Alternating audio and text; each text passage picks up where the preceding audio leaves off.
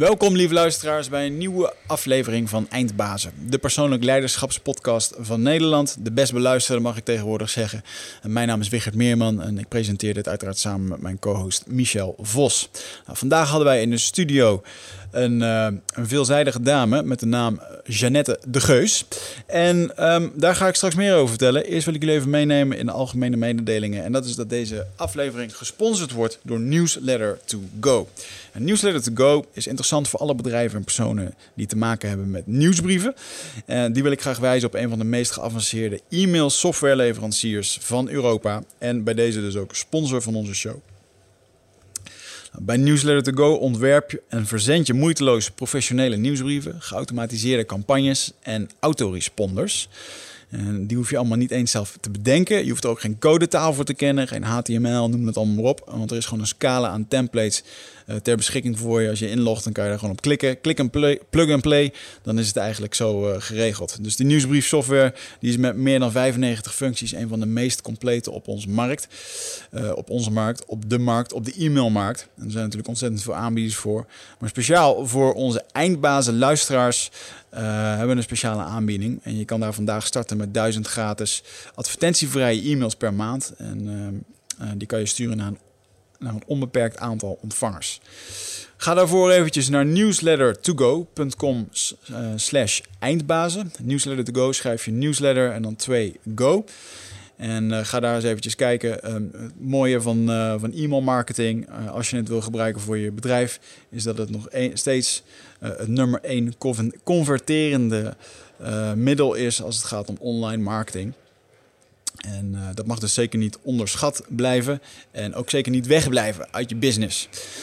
Um, dan wil ik jullie wijzen op Nutrofit.nl. Nutrofit.nl, dat uh, is een, uh, hoe zal ik dat zeggen? Dat is een, een wij, zeg ik altijd. Nutrofit.nl is van ons, van mij en Michel. Dat is onze supplementenshop die tevens eindbazen voor een groot deel financiert. eigenlijk vanaf de start al.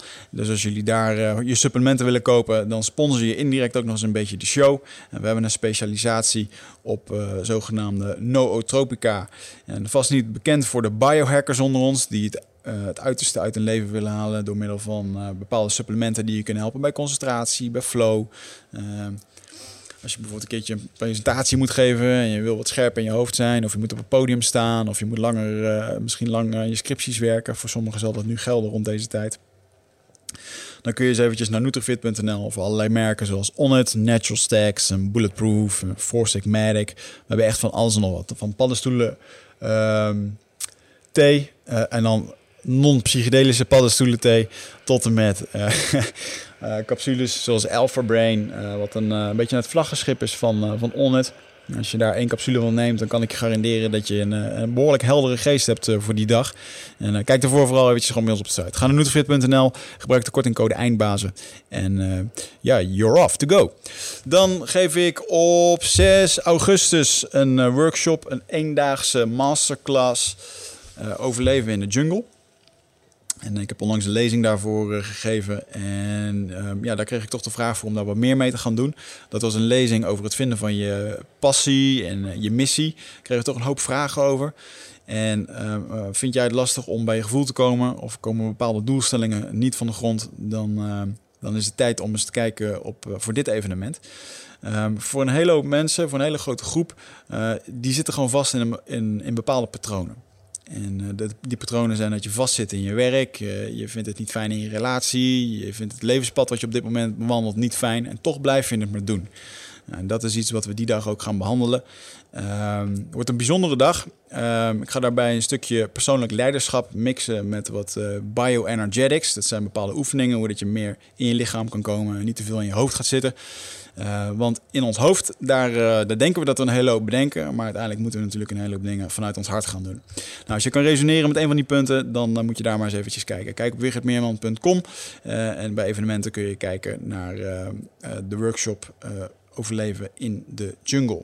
Dan hebben wij een mastermind die start in september. Dat wordt ook wel besproken in deze podcast met Jeannette. Want Jeannette is ook een mastermind. Uh, eindbaas moet ik eigenlijk al zeggen. Die heeft ook de eigen mastermind waar ondernemers terecht kunnen. En ehm, waarmee we een jaar lang aan de slag gaan. Dat doen we allemaal met, een, met het zogenaamde 12 Waves protocol. natuurlijk een systeem wat, wat Michel heeft bedacht. Een bepaalde methodiek door de jaren heen. En dat, is de, dat is de basis voor onze masterminds die we hebben. Die starten nu in september, die van mij en Michel. Gaan we een nieuwe groep starten. we zijn in januari een oude groep gestart. Ging erg goed. Dus ja, vanwege dat succes nog een groep erbij. En dan gaan we met maximaal 10 ondernemers een jaar lang aan de slag. Allemaal inspiratiesessies die ze krijgen om de zes weken.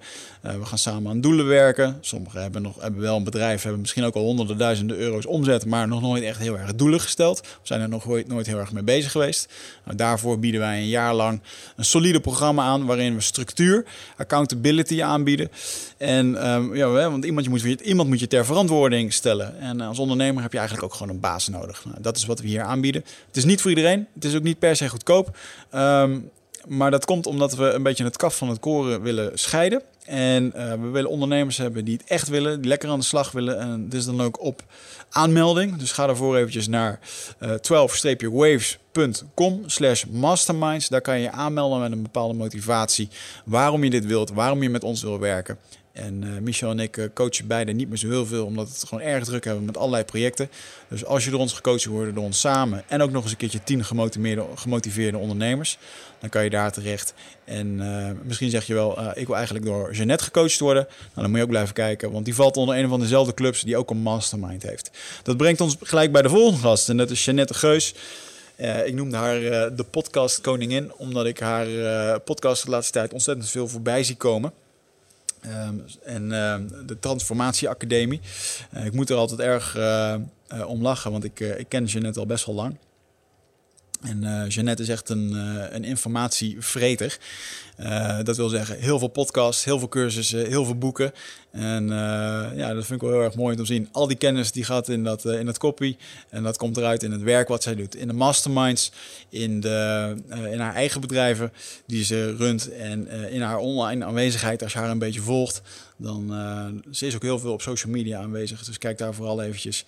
Uh, daar kan je een hele hoop inspiratie op doen van deze dame, die uh, door het leven is gegaan. Uh, onder andere als een, nou, een, een, wereldspeler in kettlebell, kettlebells. Daar hebben we het ook nog even over. Ze is ook nog een keer een digitale nomade geweest. allemaal al erg gevarieerd en erg inspirerend. Dus ik hoop dat jullie genieten van deze podcast. Dames en heren, Jeannette de Geus. Eindbazen wordt gesponsord door Nutrofit. De webshop voor natuurlijke voedingssupplementen en trainingsmaterialen die je helpen bij het verkrijgen van Total Human Optimization. Nutrofit is hofleverancier van merken zoals Onnit, Natural Stacks en Bulletproof Coffee. Probeer onze producten zonder risico door onze money back guarantee. Bezoek ons op www.nutrofit.nl. Bestel je voor 9 uur s avonds, dan zorgen wij dat jouw bestelling de volgende dag geleverd wordt.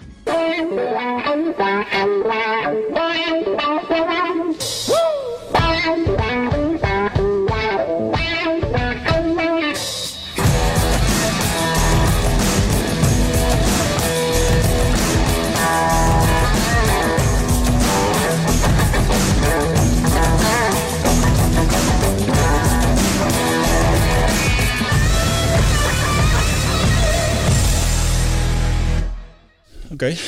nou, eerst even een koffietje hoor. Lekker man. ja, Jij kan vast wel een kopje koffie gebruiken inmiddels, uh, meneer Meerman. Ja, Hoeveel heb je uh, geslapen? Vannacht heb ik niet zoveel geslapen. Ik heb vannacht, uh, um, voor de luisteraars die het niet weten, ik ben vader geworden. Gefeliciteerd, jongen. Michel en ik hebben een kind gekregen. Het is een mooi meisje geworden. Mooi, alles wat wij iets geadopteerd hebben, weet je wel. Dus, uh, nee, ik en Marieke hebben een mooie dochter gekregen met de naam Lea. Daar zijn we heel erg blij mee. Ze is een week geleden geboren. Ja, voor de luisteraars die er nu luisteren, die er dan denken, op 7 april is geboren. Ja.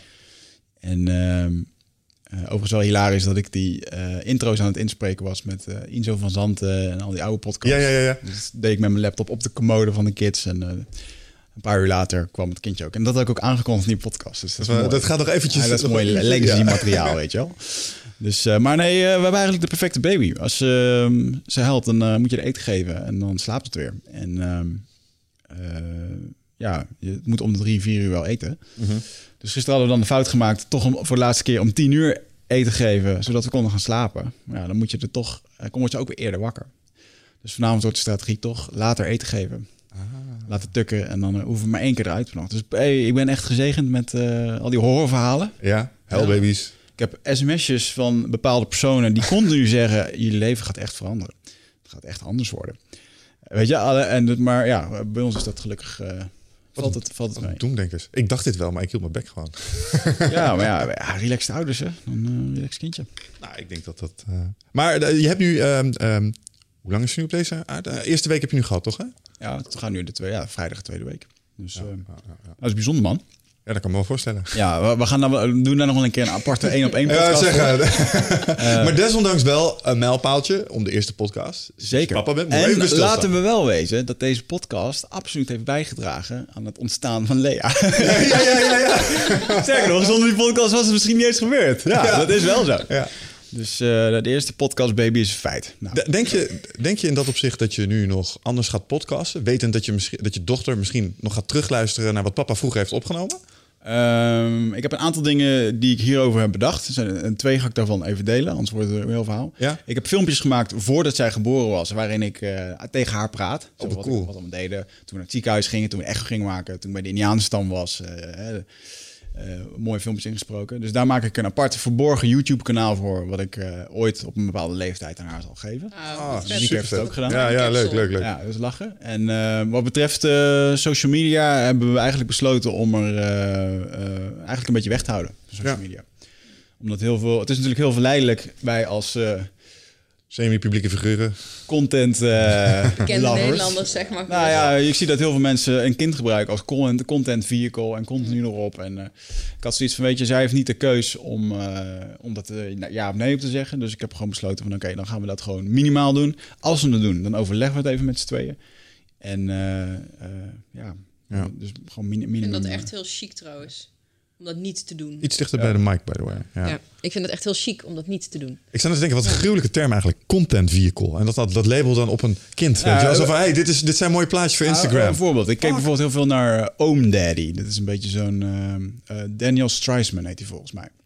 Die heeft een filmpje op YouTube waar een babytje zit te huilen. En daar heeft hij het babytje op zijn borst en doet hij oom. Mhm. En dan wordt het babytje rustig. Dus hij, dat is viraal gegaan en hij is de oom daddy. heeft ook een boek geschreven uh, over nieuw ouderschap en dat soort dingen. Een hartstikke slimme vent.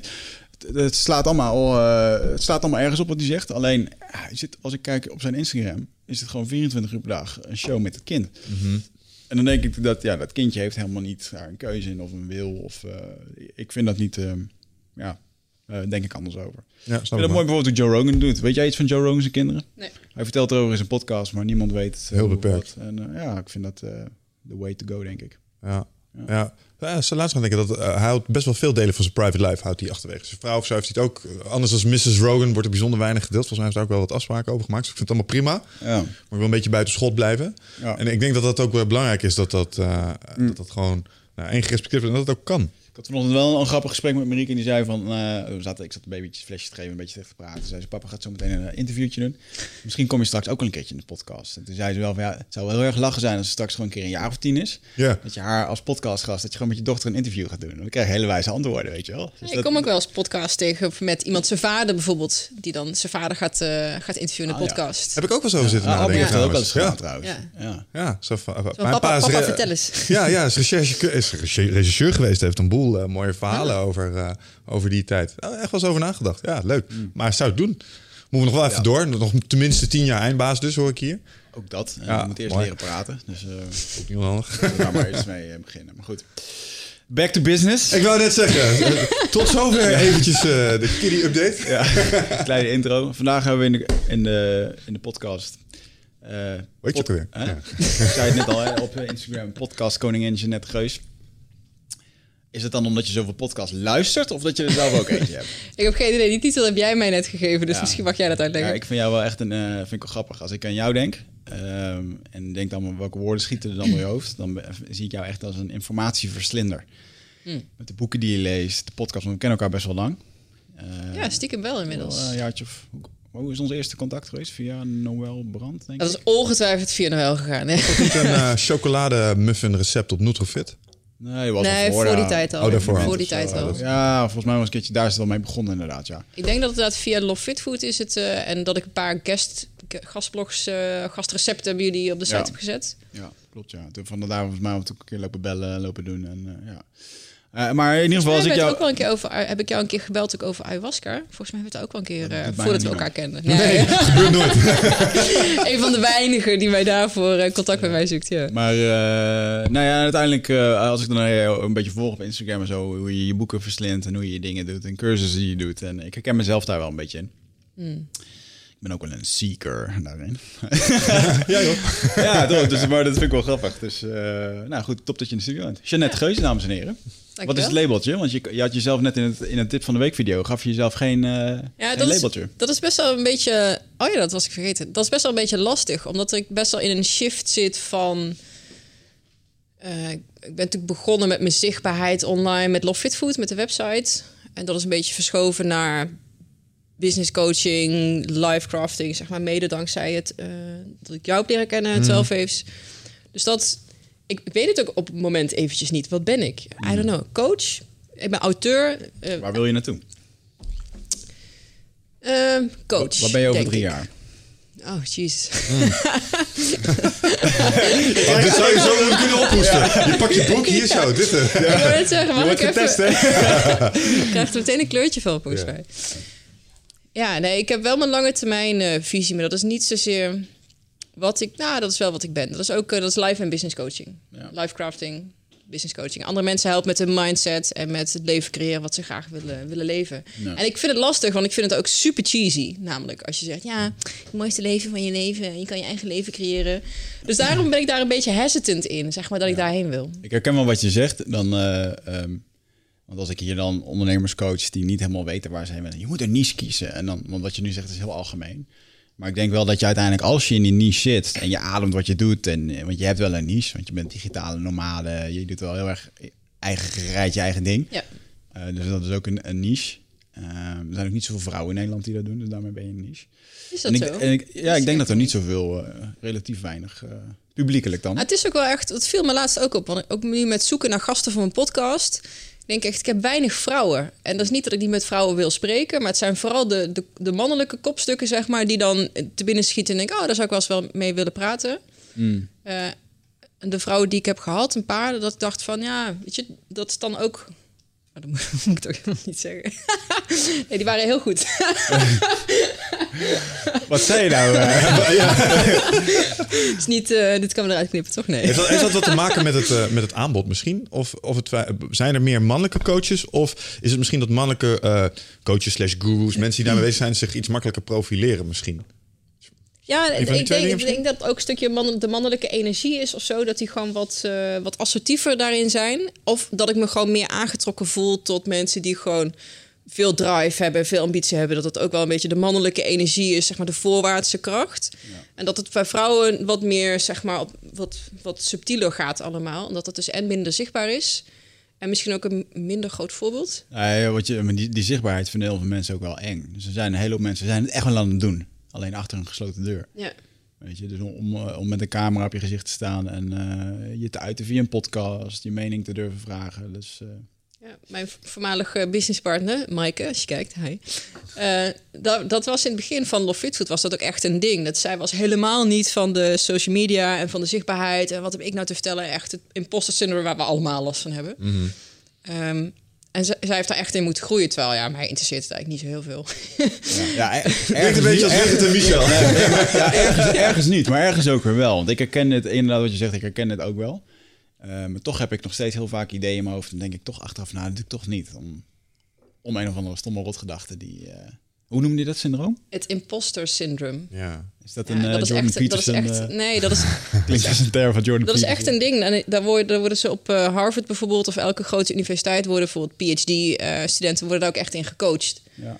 Uh, ik, heb in Amerika een keer een dame leren kennen en die ze zei van ja, ik ben, ga bijna met pensioen, ik ben hoogleraar, weet je wel, ik heb het al said and done. En nog steeds denk ik dat elk moment iemand de kamer binnen kan lopen, me op mijn schouder kan tikken, kan tikken en zeggen fuck, ik val door de mand, weet je wel. I have no clue, I don't know what I'm doing. Ja, ja, maar dat is ook een teken, dat, dat komt omdat denk ik, of dat is wat daaronder zit Ehm, hoe meer je weet, hoe meer je ook weet wat je niet weet. Mhm. En dan heb je altijd imposter syndrome. Ja, maar wat weet ik er nou van? Wat weet ik er nou van? Want er is nog zoveel wat ik niet weet. Maar dat weet je pas als je daarin gaat verdiepen. Hoe meer je weet is niet, definitie, niet per definitie een, uh, ehm, iets wat je sterker kan maken. Ik ken heel veel mensen die hoe meer, ze, hoe, meer, hoe meer ze achter dingen komen, hoe uh, fragiele dingen kunnen worden. Ja, joh. Ja. Ik, ik, ik zeg wel eens, hoe meer, je, hoe meer je leert, hoe meer je zou eh, willen dat je het niet weet, zeg maar. Mm. Snap je? hoe meer informatie je hebt, hoe meer je snapt... Hmm, het is wel echt heel groot. Het kan ook best wel eng zijn daarbuiten. En uh, er is nog een boel te leren. Dus geen idee wat er zo af en toe nog uh, ja. te ontdekken valt. Hey, maar je hebt je eigen podcast, hè? de Transformatie Podcast. De Transformatie Academie. Academie. Transformatie. Important. Nou, ik onthoud alleen podcasts waar ik ooit gast ben geweest. ik heb je volgens mij al twee keer uitgenodigd. Ja, ik heb maar we wachten tot jouw boek uh, klaar is. Komt eraan, komt eraan. In september zit ik bij jou in de podcast, hoop ik. Maar um, um, wie uh, is een gast die het meest is bijgebleven daar? Um, ja, sowieso Jan Geurts natuurlijk. Maar ook wel uh, Tibor. Sorry. um, Ja, ik denk die, die twee. Ja, en Corey Allen, maar dat, die is echt super slecht beluisterd.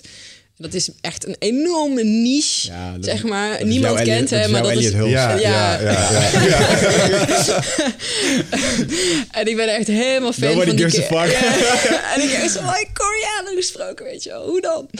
En uh, ja, dat was echt super vet, want dat was gast nummer 9. En ja, in mijn hoofd is hij echt gewoon super groot. En dat is hij ook ja, naar onze maatstaven. Maar hij zit echt helemaal in de niche. Het is echt uh, meditatie, bewustzijn, consciousness, ego, het ego. Het is echt helemaal dat ding. Ja. Uh, hij heeft ook een meditatiecursus. Hij maakt uh, binaural beats, die van um, Aubrey Marcus, die maakt hij. Hij is een sound guy. Ja, jij kent hem waarschijnlijk wel. Mm. Dus ik had, en jij had zoiets van, ja, je moet hem gewoon uitnodigen. Dus ik heb hem ja, super random via Instagram messaging een bericht gestuurd. En hij, hij reageerde. En ik, ja, jij zei, jij moet gewoon doen. Ik zei, oké, een bericht gestuurd. En hij zei, ja, is goed. Ja, ik zo, ja. ja. maar ik denk dat de boel mensen zich daarover zouden verbazen. Uh, over hoe wij aan sommige namen zijn gekomen. Door gewoon uh, heel brutaal, David Allen op LinkedIn, gewoon een mailtje gestuurd. Hallo, zou je eens een keer willen komen? Ja, geen probleem. Jordan Peterson, oh, hij komt naar Nederland. Dit is de organisatie. Gewoon een mail sturen. Just try. Oh ja, kan. Oh, cool. Ja. dus vandaar dat ik zoiets had van, probeer maar. Hij zei ook later van, ja, hij krijgt dagelijks of wekelijks uitnodigingen. Um, hij zegt, ja, 9 van 10 keer of 99 van 100 keer doet dat dus ook niet. Maar ja, jouw berichtje klonk heel spontaan. Er zat verder niks achter, weet je. Juist omdat het zo'n, misschien zo random was. Zo heel voorzichtig, zo, hallo, ja. wil je misschien in mijn ja, podcast maar het is gewoon gevoel. ja. Hetzelfde ja. Paul Smit, die zei, je krijgt ook allemaal van die aanvragen. Waarom zit hij hier? Ja, gewoon dat goed voelde. Ja, precies. Ja. En dan, ik haat het als mensen mij via Instagram uh, berichten sturen. Want ik vind, ik heb te veel kanalen. Ja, dat, is super irritant. En dat vervolgens wel iemand mij dan wel via. Dus ik, ja, het is wel een beetje dubbel. Hoe wil je net benaderd worden, dames en heren? ja, via, gewoon via het contactformulier, ja. via de mail. Via de aanbetaling. Als de business coach. Mooi. Ja. Ja, maar het is wel, het is wel waar. Ehm, ik kan me ook nog wel herinneren dat uh, toen wij begonnen hier uh, uh, met deze podcast, dan, dan is je droom een soort van dat je veel bekeken wordt en dat er dan ook een stukje feedback op gang komt. En dan op een gegeven moment dan, dan neemt dat toe. En dan komt er een soort omslagpunt waarbij het op een gegeven moment gewoon een beetje too much voelt. En ik weet niet hoe, hoe zit jij daarin liggen? Ik kan me daar soms ook best wel een beetje bezwaard over voelen. Weet je wel? Dat je gewoon niet mm. meer de tijd hebt om over op terug te komen. Want mensen poren soms best wel een hard out. Ja. Zie je zo'n, met alle respect, een muur van tekst voorbij komen. denk je, mm.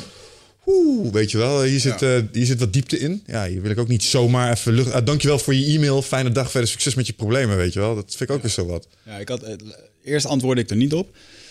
En uh, laatst kreeg ik weer het berichtje van iemand toen had ik gezien, oh, ik heb ook niet gereageerd op zijn eerste brief. ja. Toen was het zo van, oh, en die vroeg iets over relaties en dat soort dingen, uh, advies. Maar ja, dat, dat is zo moeilijk om daar via Facebook Messenger op in te gaan. En dus dan ik gewoon gezegd van, joh, uh, um, we geven meer en meer live evenementen. Dat is echt het moment om daar naartoe te komen, te leren en dan je ding te vragen. Of je kan een coaching boeken, weet je. Dit, dit, soort, dit zijn zaken die... Um, kan, je me even van mijn angst afhelpen? Of uh, hoe kan ik zorgen dat ik niet meer onzeker ben? Ja, dat, dat moet ik uitleggen in een Facebook bericht. Dat, ja, dat gaat niet. En ik had hetzelfde gebeurde bij, uh, bij mij, zeg maar, het ging het over voedingsvragen. Dat mensen dan e even in een Facebook chat wilden weten hoe ze konden afvallen. Of uh, op, op zo van, ja, en ik volg je op Instagram en ik vind het echt fantastisch zo hoe je nu met voeding omgaat en, en wat je doet. En ik wil het ook. heb, heb je tips? Koop mijn boek. Ja. ja. maar dat is, aan de ene kant is het een onwijs compliment. Een eer, hè? Tuurlijk. Het is absoluut. En ook, want ik krijg ook van die lappen tekst af en toe. En denk ook, ja, het is omdat uh, je je super kwetsbaar opspel, opstelt in je, je social uitingen, in de podcast, uh, in alles wat je doet. Je bent heel transparant en open. En dus mensen willen dat ook, weet je, ik vind te gek. Mensen waarderen dat. En ik, dan krijg je inderdaad zo'n... Je hebt zelf de ruimte gecreëerd dat mensen dat bij je durven doen. Dus ja, dat is ook stellen. Dat is mooi, ik, vind ook, ik vind het ook heel mooi. En het is ook wel de, ja, de krenten uit de pap in die zin van... ja, als je mensen weet te raken en dat ze dat ook uh, teruggeven... dat is echt ja, super tof. Ja, ja herkenbaar.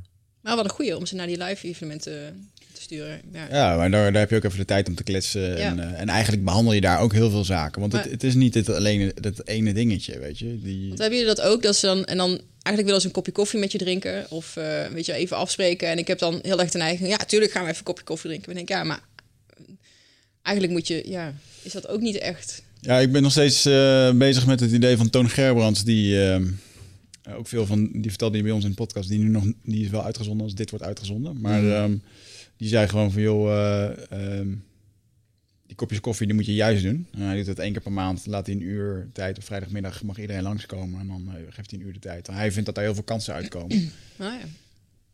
En, um, was wel een soort open inloop was dat. Dus ja. dan, dan, zeggen wij hier op vrijdagmiddag, vrijdagmiddag zit Michel Wicht hier, iedereen is welkom. En kun je gewoon kletsen. Misschien dat ook gaan doen in Borkelo. Ja. ja. Jan Dijkgraaf die had het er ook over. Hij zegt van ja, er willen zoveel mensen dan ineens even met je lunchen. Hij zegt ik doe het niet meer. Want ja. Uh, zoveel mensen die gewoon uh, de coaching wilden betalen met een omelet, weet je wel. Ja, ja Zo werkt het nou ook weer niet. Nee, dus ik, ik, ik ben daar toch wel... Uh, ja, waarvoor wil je zitten, weet je wel. Dus ook al zou ik dat doen, dan zou ik nog steeds graag van mensen willen horen van... joh, waarom kom je? Dat heb ik ook laatst gedaan. Ik vroeg aan iemand van, wat is je agenda? Gewoon, waar, waar, waar, wil je het dan met me over hebben? Want dat was een random persoon die ik niet uh, kende, via LinkedIn volgens mij. En toen kreeg ik ook netjes een mailtje terug met allerlei onderwerpen waar hij het met me over wilde ja. hebben. Ja, van, iemand van, weet donders goed waarom die met je wil zitten. Ja, Van, van voeding tot waarom ik mijn tatoeages heb laten zetten. Ja. Dat vond ik wel, een beetje, vond ik wel een aparte... Dat is, gewoon, dat is gewoon een coaching, kerel. ja, ja. Psychische coaching. ja. Oké. Hey, en uh, um, wat, um, uh, wat beweegt je nog verder? Wat doe je nog meer? Ik ken je natuurlijk wel, maar stel je eens even voor. nou, wat doe ik? Ik vond uh, ook toen ik mijn eigen website ging, ging maken, zat ik daar ook mee. Je hebt dan zo'n zo'n catchphrase nodig, zeg maar, above the fold. Oké, okay, wie ben je? Hoe wil je gezien worden? Ik vind dat echt super moeilijk, omdat het zo mm -hmm. divers is. Ah, het zit wel echt in de mindset en dan ook mindset rondom mijn voeding, want dat is zeg maar hoe ik online gestart ben. Um, wat moet ik, uh, weet je wel, wat, wat, moet ik eten? Want er is zoveel bullshit. En je hebt natuurlijk meerdere gasten ook gehad die over voeding uh, hebben gepraat. Um, inmiddels zijn er uh, meer mensen die weten dat er heel veel bullshit is. Maar het is gewoon mijn eigen zoektocht geweest naar een beter lijf in eerste instantie. Wat ik dan, daar is een bedrijf uit ontstaan, Love Fit Food. En nu is dat verschoven van, oké, okay, het is niet alleen maar mijn lijf. Het is dus van lijf naar hoofd naar leven gegaan. Mm -hmm. um, dus dat zijn de drie dingen die ik nog steeds doe. Dus het is zowel zorgen voor, oké, okay, goed in je vel zitten uh, zelfvertrouwen, mindset, zelfliefde, acceptatie. Omdat het gewoon mijn eigen struggles waren. En nu is dat, oké, okay, I got this, zeg maar. Het is ongeveer op de rit, soort van. Want het is nooit perfect. Oké, okay, en wat is er dan nog meer? Oké, hoe wil ik überhaupt leven? Wie wil ik zijn? En hoe wil ik mijn geld verdienen? En hoe wil ik mijn dagen spenderen? Dus er zit een, uh, een switch in. En dat laatste stukje is waar ik nu veel mee mee bezig ben. Ja, wat jij dan uh, life crafting. Maar het is lifestyle design, feitelijk, ja. hè? Ja. Ja, dus hoe, hoe plak je daar iets op? Ja, eh, van auteur tot coach tot... Digitale nomade. Dig, uh, digitale nomade, Pff, ja. Dat vond ik wel interessant. Dat vond ik wel een interessant project van je. Dat je toen uh, uh, alles hebt verkocht en gewoon uh, je auto en een laptop ja. uh, en je kettlebell de wereld rondgeven. Ja, toen had ik ook nog bedacht, laat ik geen vaste wonen en, wonen en verblijfsplaats hebben en ook nog trainen voor een wereldkampioenschap kettlebell sport. Ja, klinkt als Steve Maxwell-achtig. Vanuit de auto, ja. Het is wel gelukt, dus dat is wel mooi. Ja, je bent ook gewoon nog, ja, je bent ook nog een keer wereldniveau... nou, Europees, Europees kampioen. Europees kampioen? Ja. Kettlebellen. Ja. Ja, moet je een dansje, doen met, moet je een dansje doen met kettlebell. En wie dan het mooiste dansje doet, die... Nee. Die heeft gewonnen, ja. nee. ja. Nou, um, ik, uh, ik heb hem laatst nog een keer aangekeken, de kettlebell, en ik haat het. ja, ik wist dat dit onderwerp ter sprake ging komen. Uh, hoe vaak kijk jij ze nog aan? Laatst nog even getraind met die mooie apenkoppen die we van uh, On It... Het valt mee dat ik dat niet moest doen uh, voordat ik binnenkwam. Dus oké, okay, laat maar even zien uh, hoe het moet. Maar die video is best wel zwaar volgens mij. Nou, nee, die hebben we hier niet meer staan. Oh. Die staat nu bij mij thuis. Dus, moeten, we, moeten we weer even hierin halen. Had jij dat fitnessapparaat gezien waar ik jou had getagd op Instagram? Nee. Ik zag een, uh, dat was echt een ideaal fitnessapparaat. Het is gewoon een, soort stang waaraan je aan kon hangen. Maar je kon hem ook neerleggen, neerleggen op de grond. Je kon daar echt alle calisthenic-achtige oefeningen kon je daarmee doen. Sweet. Bodyweight oefeningen. Ja, klinkt goed. Ja. Ja, ja, ja. En dat, ding dat, past hier, dat ding dat past hier op het, eh, eh, op het ehm, eh, Balkon? het balkon. bij. Dus ik had jou getankt van dit ding moeten we hebben. Ja. Dus dat kan je omhoog doen, dan leg je hem neer, kan je opdrukken, je kan Ah. dippen en echt ideaal dingetje. Nou, zijtak. ja, maar het is in dezelfde categorie eh, home gym spullen. Want dat is wat ik met name Ja. fijn vind aan een kettlebell. Je kan vanochtend nog, je kan gewoon in je woonkamer kan je met zo'n ding kan je gewoon even lekker trainen. Ja. Eh, niet al te lang, eh, maar wel eh, voldoende prikkel om er een voordeel van te hebben. Ja. Ik heb een hele, hele collectie thuis. En, ja. Ja. Voor mensen die het eh, misschien nog wel interessant om even stil te staan. Want we, doen nu een paar aannames, dat iedereen weet wat, eh, wat kettlebell is. Als Europese kampioenen. Eh, wat is kettlebell precies en, en wat is de wedstrijdvorm waarin je dat doet? Ja, je hebt zeg maar nou, een kettlebell. Dat is een ronde metalen ding met een handvat. Voor de mensen die dat niet kennen. En de meeste mensen kennen dat uit de sportschool. Van die zwarte dingen. En dan moet je vervelende dingen mee doen. Eh, meestal moet je daar swings mee doen. Of eh performance walk. Of verschillende... Je, en dat noemen ze... Of dat is meestal de hardstyle swing. Dus dat is eh, vanuit je heup een explosieve swing naar voren met de kettlebell. Vaak heb je dat met twee handen vast. En dan heb je daarnaast heb je nog de, de sport, de competitieve variant. Dat zijn ook andere kettlebells. die ehm, zijn van metaal en die zijn allemaal even groot. Want die zwarte, hoe zwaarder die is, hoe groter die is. Die competitiebells die zijn allemaal even groot. De handvat is altijd even dik. Dat is natuurlijk ook logisch, want als je gaat Olympic weightlifting... dan wil je ook niet dat die stang zeg maar steeds anders is. Want je, de, te- de techniek is zo eh, verfijnd... Eh, Je wil dus wel trainen met wat je dus je training daarop aanpassen. En wat de sport is, is dat je, ehm, we hebben twee bewegingen, althans voor de, voor de dames. Een eh, snatch en wat ze bij Olympic weightlifting clean and jerk is. Een snatch gaat van zeg maar van beneden, van tussen je benen naar boven je hoofd. Ehm, en daar eh, krijg je dan 10 minuten de tijd om zoveel mogelijk herhalingen te maken. Eh, en dat is, dat is dan met één hand. Dus dan komt er feitelijk op neer dat je vijf minuten met je ene hand en vijf minuten met je andere hand. Als je uitgebalanceerd getraind bent, zeg maar. Je mag overpakken, Eén keer. één keer. Ja, je mag hem niet neerzetten. Eh, en je hebt de clean and jerk en binnen kettlebell noem je dat long cycle. Dus dan gaat hij eerst naar de rekpositie. Bij Olympic weightlifting is dat het is dat het stoten volgens mij. Ja, je hebt trekken en stoten, dus het stoten. Dus dan gaat hij eerst van beneden naar in de rekpositie. Dus dan komt je, je elleboog in je heup en dan heb je hem hier vast. En dan mag je hem daarna nog uitstoten, nog jerken. Ehm, en dat doe je ook met één. En sinds kort kunnen we dat ook met twee kettlebells doen. Dat was eigenlijk eerst alleen voor eh, mannen. Dat mogen de dames nu ook. De Russen zijn vrij conservatief. En die hebben zoiets van, ja, dames mogen alleen maar snatchen. Want eh, ja, we hebben breast tissue en eh, dat is niet goed voor ons, zeg maar, als jij eh, hier dat belast. Volgens mij, als ik het goed heb begrepen, was dat een beetje het idee daarachter. Maar ehm, ja, er zijn hele, hele, hele sterke dames die hele indrukwekkende dingen doen met die twee kettlebells in, in gewicht en ook in aantal herhalingen. Ja. En nu is het voor het eerst officieel gewoon een, een, een, onderdeel van internationale wedstrijden. En om het plaatje even af te maken, met wat voor gewichten zijn we dit aan het doen? Ehm, voor dames is dat, eh, we hebben twee klassen, of drie eigenlijk. Je hebt de amateurs, de professionals en de masters. Eh, ik heb in alle drie meegedaan. Eh, ik mag nu officieel, eh, ik mag sinds twee jaar in de masters meedoen. Bij de professionals en de masters is dat met 16 kilo. En bij de prof- professionals met 24. Oké. En ik heb, ja, dus in alle categorieën meegedaan. Jesus Christ. En ik heb, Dominate. ja, ik Europees kampioen in de masters geworden bij zowel de snatch als de long cycle. Goed hoor. Ik ga even heel eerlijk moeten zijn. Ik denk niet dat ik 10 minuten kan snatchen met 16 kilo. Ik weet zeker dat jij niet... tien Nee. minuten kan en dat is niet omdat ik niet denk dat jij fit bent, maar omdat eh, onze techniek, de techniek die jij hebt, dus die hardstyle techniek, die is erop gericht om zo snel mogelijk te verstoren. Want dat is het Ja. mooie in kettlebells. Je kan heel makkelijk een, een eh, cardiovasculaire een prikkel geven. Ehm, mijn techniek is erop gericht om zo min mogelijk te verstoren, want ik moet het 10 minuten volhouden. Dus mijn, ik, ik zet mijn kracht veel anders in. Ik ben echt op efficiëntie, efficiëntie, efficiëntie. Ik ben niet sterker geworden, maar vele malen technischer. Ja. Eh, waardoor, ik, waardoor je dus gewoon veel meer herhalingen kan maken. Ja. Even lekker geek over de techniek. Wat zijn, eh, wat zijn, wat zijn verschillen in eh, zeg maar eh hardstyle, over, overload-achtige eh, constructie versus hoe jij doet? Dichter langs het lichaam, meer laten afvloeien in je beweging. eh. Eh, mijn kracht komt uit mijn benen. Ja. En bij de hardstyle komt het meer uit je heup. Ja. En uit, in de hardstyle beweeg je de kettlebell eigenlijk recht naar voren. Ja. En hou je hem ook tegen. En als jij wil snatchen, moet je hem terugtrekken Ja. om hem omhoog te krijgen. Eh, ik wil de kettlebell liefst recht omhoog. Dus hij komt, ik dip een beetje. Ja, ja, ja. Dus hij komt omhoog. En ik hoef hem niet nog terug te trekken, zeg maar. Dus Ook zo stuur- kort mogelijk langs je lichaam waarschijnlijk. Ja, niet, dat niet zozeer. Eh wij werken, ik werk heel veel met gewichtsverplaatsing. Dus ik verplaats drie keer mijn gewicht. Oh. Dus, ik maak echt gebruik van de pendulumbeweging van de kettlebell zelf. Mhm. Eh, in plaats van dat ik hem heel hard met mijn schouders probeer te sturen. Want hier zit natuurlijk veel meer kracht in en veel meer energie en veel meer uithoudingsvermogen in mijn benen en in mijn heup. eh, dan dat ik in mijn, mijn schouders die kettlebell nog een, een kant op moet gaan trekken.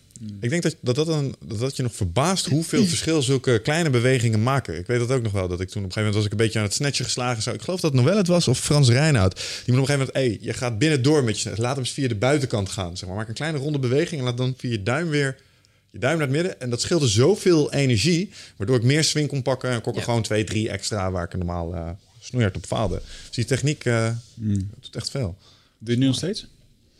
Ik heb besloten dat ik dit jaar geen eh, wedstrijden ga doen. Want ik had eigenlijk ook het Europese kampioenschap en het wereldkampioenschap al op de agenda. Maar ik ben na het WK, eh, dat was in november vorig jaar, ben ik even gestopt. Ik bedoel, eh, het was een super stressvolle periode. Want ja, mijn huis verkocht, had je geen vaste woon- en verblijfsplek, geen vaste trainingslocatie. En ik merkte dat het echt even klaar was. Dus ik heb toen wel net na het WK nog een wedstrijd gedaan. En daar echt massive PR voor mij neergezet. En daarna heb ik het was niet meer aangeraakt. Nee. En toen dacht ik, nou, het was dus, wat ik denk, ja, als je zoveel stress hebt en zo, denk ik, het heeft nu geen zin om keihard te gaan trainen. Nee. Ja, en toen wist ik daarna al dat ik naar Peru zou gaan voor een maand. Weet je, toen wilde ik wel weer beginnen met trainen. Dacht ik, ja, Was ook heel goed gegaan. Laten we daar nog eens even over hebben. is dat, hé. We hebben de eerste, de eerste gast in onze studio die twee soorten malaria heeft opgelopen van de Van de drie. drie. Kom maar binnen, hoor. Ik begin Mooi. toch wel een bepaald patroon te ontwaren van mensen waar ik mee samenwerk die naar de jungle gaan en die er bijna blijven. Ja, ja, ja, ja, ja. Goed. eh, ja. Ja, dat was, eh, dat was wel eh, bijzonder. Ja. Wat is er ik, gebeurd? Weet je, underachiever als je maar één soort malaria hebt. Dat is zo normaal. Je moet wel een beetje buitengewoon zijn Ja, natuurlijk. je, hè? lim- je, minstens je lymfeklieren moeten één keer opgezwollen zijn. Ja, ja, ja, ja, ja. Het is een beetje Pokémon. Gotta catch all.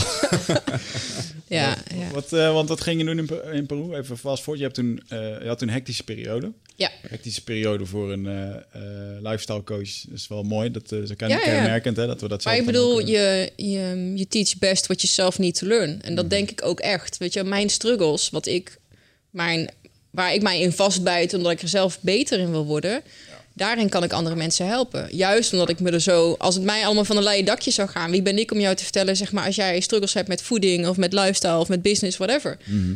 Weet je wel, dan heb je niks te vertellen. Dus daar ben ik echt wel van overtuigd. Met, met shamanen volgens mij hetzelfde. Ja, die hebben de grootste heling nodig vaak. Ja, maar juist omdat ze dat pad hebben doorlopen, kunnen ze daar anderen ook in, eh, in helpen. Ja. Maar ehm, even kijken, wat is je vraag precies? Eh, hoe je naar, eh voor ons heb je een tijdje rust genomen. ja. Je hebt toen wat rondgereisd. Ging je heen en Eh, weer. Tenminste, ik zag je toen veel eh, vliegen. ja, ja, ik had toen.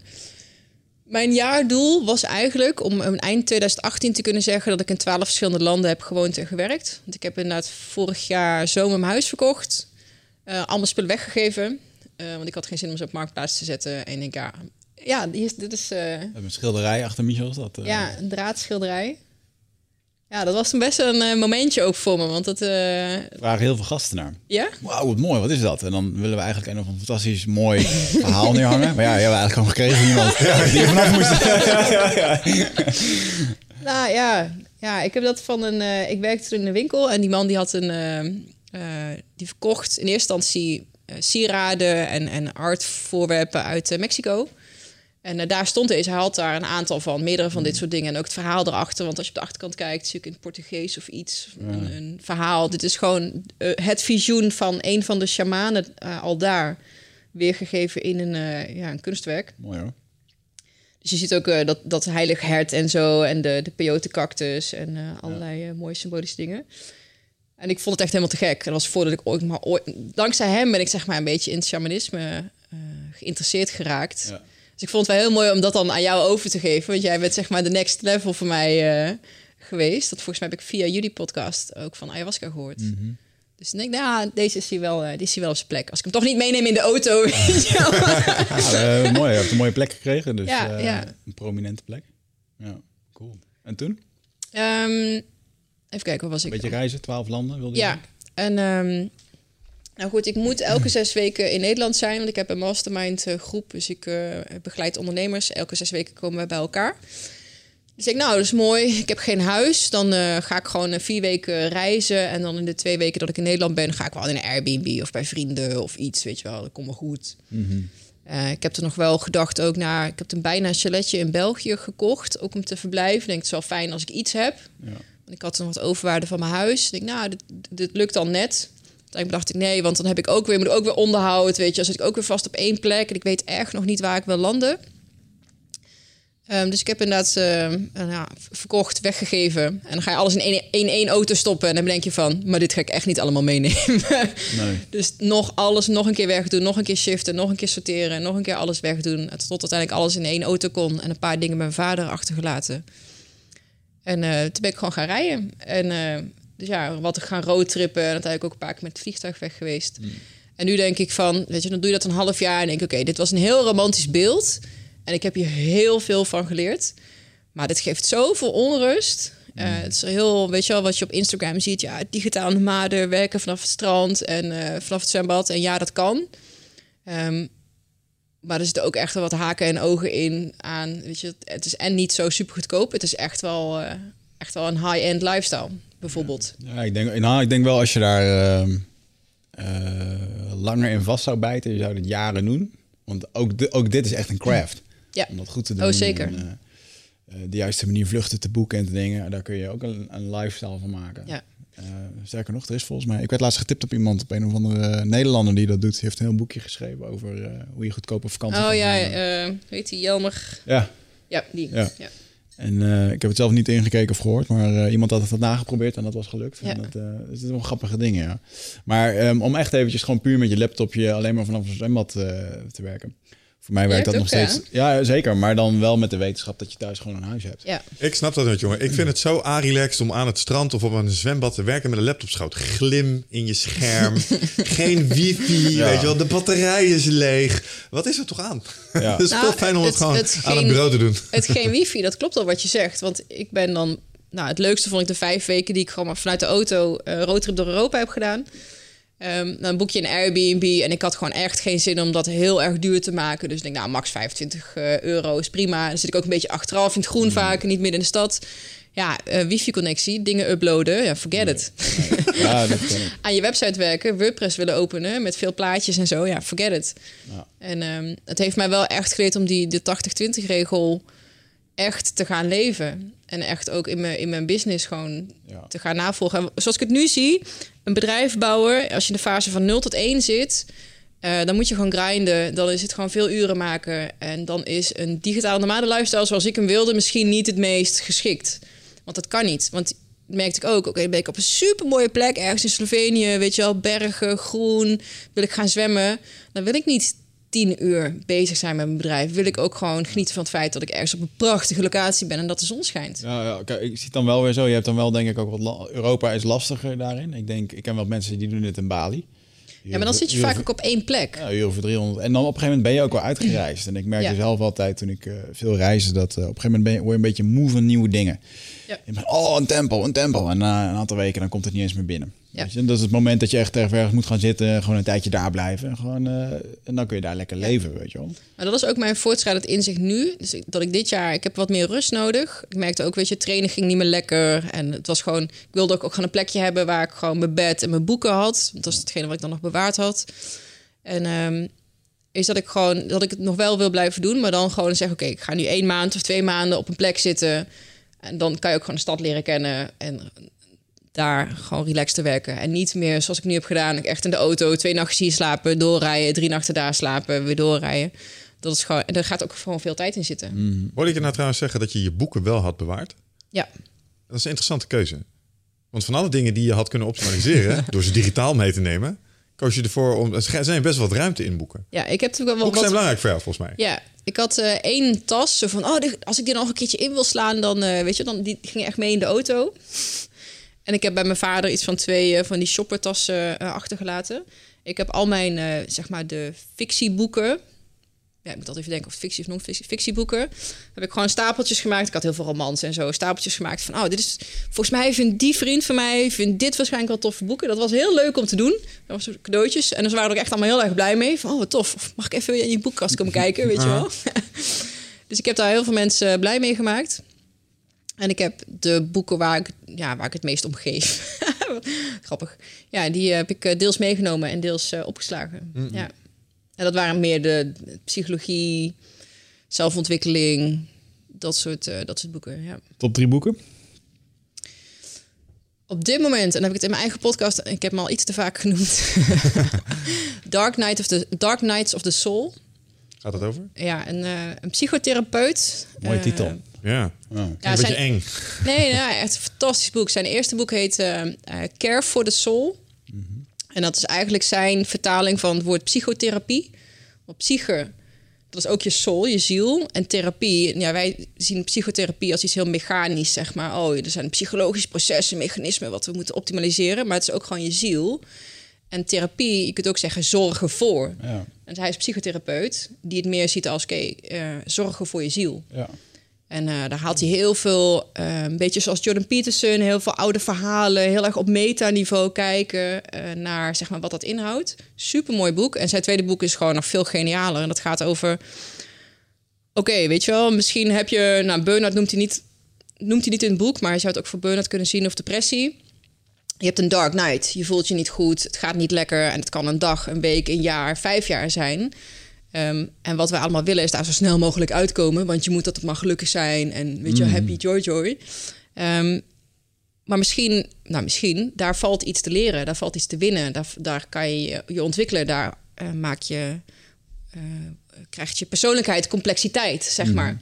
Um, dan moet je character zich nog ontwikkelen. Skills, vaardigheden, kennis. Uh, en die vind je daar, in, in dat ravijn waar je in zit, zeg maar. Ja. En dus niet zozeer daar heel snel uit willen, maar ga het maar uitsiften voor de goudklompjes die daarin te vinden zijn. Ja, prachtig boek. Echt geweldig. Ja. Dat is wel grappig, hè? Daar zit best wel een taboe op, op, op je niet goed voelen of zo. Ik, ik, ik, heb er altijd respect voor als ik mensen shit die niet goed gaat op uh, Instagram en Facebook zie zetten, omdat het zo opvalt.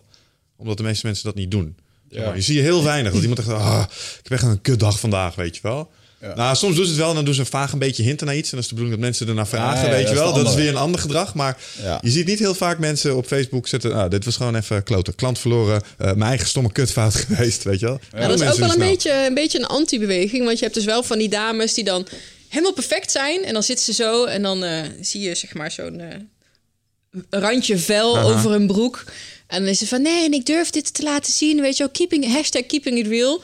En dan wordt ook wel weer een beetje uh, de draak ja, ja. Want het, ja, wil, kom op man. Jullie zijn nog steeds gewoon ja. top 0,1 procent mooie mensen in deze wereld. En uh, goh, je hebt cellulitis. Nou, good for you. en, en, uiteindelijk creëren we op social media nog steeds de wereld die wij willen dat anderen van ons zien.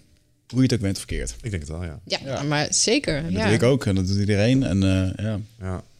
Ik vind het raar. Ik heb recentelijk ik ben geprobeerd uh, underground te gaan op, Facebook. ik heb al mijn vrienden gedelete. Sorry vrienden. En mijn naam veranderd. Um, het was een tip van uh, Percy. Harry, Harry de Geus. Voor je wil laten inspreken, weet je wel. tip van Percy Tienhoven. Want ik heb wel gewoon mijn, mijn, mijn pagina. Want je hebt ook uh, je, je uh, pagina. Mm -hmm. Ik denk, ja, weet je, ik wil niet alles... Uh, ja, er zijn gewoon mensen die alle, elke maaltijd die ze eten, elk dingetje wat ze tegenkomen, elk ziekenhuisbezoek, elke scheet van een baby, denk ik, ja, weet je, dit is het ook niet. Dus ik wilde hem eigenlijk deleten, maar dat kan niet als je, als je ook zakelijk zeg maar, op Facebook ah, zit. Ja, en hij had zoiets van, nou, Percy zei van, oké, ik ben, ik, ik, heb wel een Facebook-account, maar dan heet ik niet Percy Tienhoven, dan heet ik iets anders. En ik heb mijn ouders zitten, weet je, die volgen me, want je hebt wel een aantal vrienden nodig, anders gooit Facebook je eraf. Mm -hmm. I don't know. Mhm. Maar daar post ik helemaal niks op. Dus ik heb alle foto's gewist. Uh, al mijn vrienden gedelete. Wat overigens niet kan. Dat is echt hilarisch. Facebook heeft niet een knop delete all pictures of delete all friends. Dat moet handmatig één voor één of met een of andere uh, Chrome extensie. Ja. Moeilijk, ja. ja. Er is natuurlijk nu die hele discussie over, over die data, het verzamelen van data. Ja, die, ik moet heel ik bekennen dat ik daar nog helemaal niks van heb gehoord. Maar net als jij kijk ik geen televisie. Nee. En uh, dus heel veel dingen gaan wel een beetje langs me af. En ik hoor het nu voor het eerst, maar blijkbaar is het een heel groot ding. Het is allemaal, weet je, kijk, uiteindelijk, nou, ja. is, uiteindelijk is het heel simpel. Hè? We hebben allemaal Facebook op onze telefoon. En wat is nou het hoofddoel van Facebook? Als app zijnde. Dat is om uh, jou op Facebook te houden. Ja. Wat moet er gebeuren om jou op Facebook te houden? Er moet er relevante content voorbij komen. Mm. Het is inmiddels breder als dat. Ze willen jou graag, uh, uh, ze willen jouw gegevens graag hebben. Ja, tracken en zo. En die krijgen ze. En dat, dat was een beetje het ding. En dat is een, een super enge een super eng voorbeeld wat ik heb gezien laatst op YouTube. Er was een meneer die zei het volgende. Oké, we gaan nu uh, op Google, ga ik een paar zoektermen inknallen. En dan gaan we een paar websites bezoeken. Ja, dan gaan we kijken naar de advertenties die er staan. Ja joh. Ja, en, ik heb, en, en, dan gaan we een experiment doen. En dan uh, laat een briefje zien, zeg maar. Mm -hmm. Op dit briefje staat een woord. En daar heb ik het nog nooit over gehad. Ik heb, ik heb dit niet. En zometeen, gaan we gaan nu eerst even zoeken. Gaan we kijken naar de advertentie. Dan ga ik het er even 15 minuten over hebben. Met mijn telefoon op tafel. Ja? En dan gaan we kijken naar het verschil in advertenties. En het woord was dog toys. En hij had nog nooit op hondenspeeltjes gezocht, nog nooit. Hij ging een paar websites af via fark.com, dus een soort Reddit. En uh, nou, gewoon normale advertenties van van alles en nog wat. Dingen die hij zou verwachten. Uh -huh. Hij legt zijn telefoon op tafel. Hij gaat even 10 minuten gaat hij kletsen over hondenspeeltjes, hondenspeeltjes, dit, bla bla bla bla bla. Hondenspeeltjes, hondenspeeltjes, hondenspeeltjes. Hij gaat diezelfde websites weer af en in één keer dog toys, eBay-links naar hondenvoer. Wow. Ze luisteren gewoon je telefoon af naar bepaalde kernwoorden. Ja. En daar gaan ze, die voeden ze weer in je feed, die voeden ze weer op alle andere websites waar jij komt. En dat is de kracht. En, en dat is waar mensen nu zoiets van hebben: hmm, this is kind of fucked up. Ja, dat, dat het die mate van intrusion is in je leven. Dus dat betekent dat ze in principe alles wat je zegt, terwijl je telefoon op tafel ligt, een soort van filteren. Ja. Nou, ga even na hoeveel gesprekken jij de laatste tijd hebt gevoerd waarvan je zoiets had: hmm, daar had niet iedereen hoeven meeluisteren per se. Snap je? Ja, is het dan, dat is want volgens mij zag ik Zuckerberg in een. Uh die overigens als een fucking zombie in de rechtbank zat zichzelf te verklaren. Ik moest lachen om jouw plaatje van Lieutenant Commander Data. Hij leek er echt één op één op. Echt, hadden, ja. ja. ik heb een foto gestuurd naar... Uh, we waren de cijfers aan het doen en er was een of andere meme gemaakt... waar hij in een soort Star, Star, Star Trek uh, ja. pakje zat. Mr. Data Accumulator of zo. Ja. Dat gezicht helemaal zo, maar echt alsof het een robot was. En dan pakte hij ook een glas water en dan keek hij echt zo naar het water... En dan er een slok van. En van die memes onder gemaakt. This is, this, it's normal for people to drink water. This is the first time he drinks it. Ja. Dat is heel grappig. Maar op een gegeven moment werd er ook gevraagd van... Um, dus je, een beetje iets in de trant van... Dus je, um, je luistert zelf niet af, maar je hebt wel uh, AI die uh, het kan herkennen. En daar had hij toch wel zoiets van, ja, volgens mij ging hij dat toch nog even navragen aan zijn Mhm. technische team. Uh, Ah joh, ik zag laatst ook allemaal van die foto's. uh, dan zie je van, ja, uh, Mark Zuckerberg, weet je wel. Het feit dat hij zijn camera en zijn microfoon aftapet, zegt alles. ja. Ja, ja, ja. En op zijn eigen laptop gewoon. Bill Gates had het, Bill had het ook. Steve Jobs had het ook. Ja, er zijn heel veel bekende staan die gasten gewoon met een laptopje en dan is Ja. alles afgetaped, ja. Hey, maar we, maar, maar we kwamen hier door Dark Knight of the Soul. 2 2 2 3 3 nummer Oh ja, oh twee en drie. ja, oh ja. Oh, ehm, ja, Jan Geurts, eh, Verslaafd aan Liefde. Die heeft echt enorme impact eh, gemaakt toen ik hem las. Dat is wel iets langer geleden. Wat was de belangrijkste les daaruit voor jou? Ehm, dat ik heb geleerd, wat, geleerd en ingezien wat ego-verkramping is. Eh, ja, en als je wel weet wat het is, is het ook weer makkelijk los te laten. En weet je, het begint gewoon met het uh, erkennen. Het is ook de reden geweest waarom ik ook bij Jan Geurts een, uiteindelijk een, uh, zo'n workshop heb gedaan in uh, Winterberg. Met zijn uh. Ik, kan, ik krijg het nooit goed uitgesproken volgens mij. Zijn meditatietechniek. En dat was ook volgens mij mede dankzij het, het gesprek van hem wat hij hier heeft gehad, Hmm. denk ik. Zo van ons te danken, Jeanette. Ja, dat is niet normaal. Als we toch gewoon geld zouden vragen voor al die dingen die gebeurd zouden zijn. Maar wat is, wat is een ego-verkramping? Uh, voor de mensen die nog nooit van Jan Geurts hebben gehoord. En, uh, wat, waar komt het... Ja, vraag je dat het nou aan mij om dat Ja, uit ja. te leggen? Oh, Jij vond het een mooi boek, dus het Wat heeft iets raakte, ja, geleerd, iets, zeg iets maar. raakte je in het boek. Ja.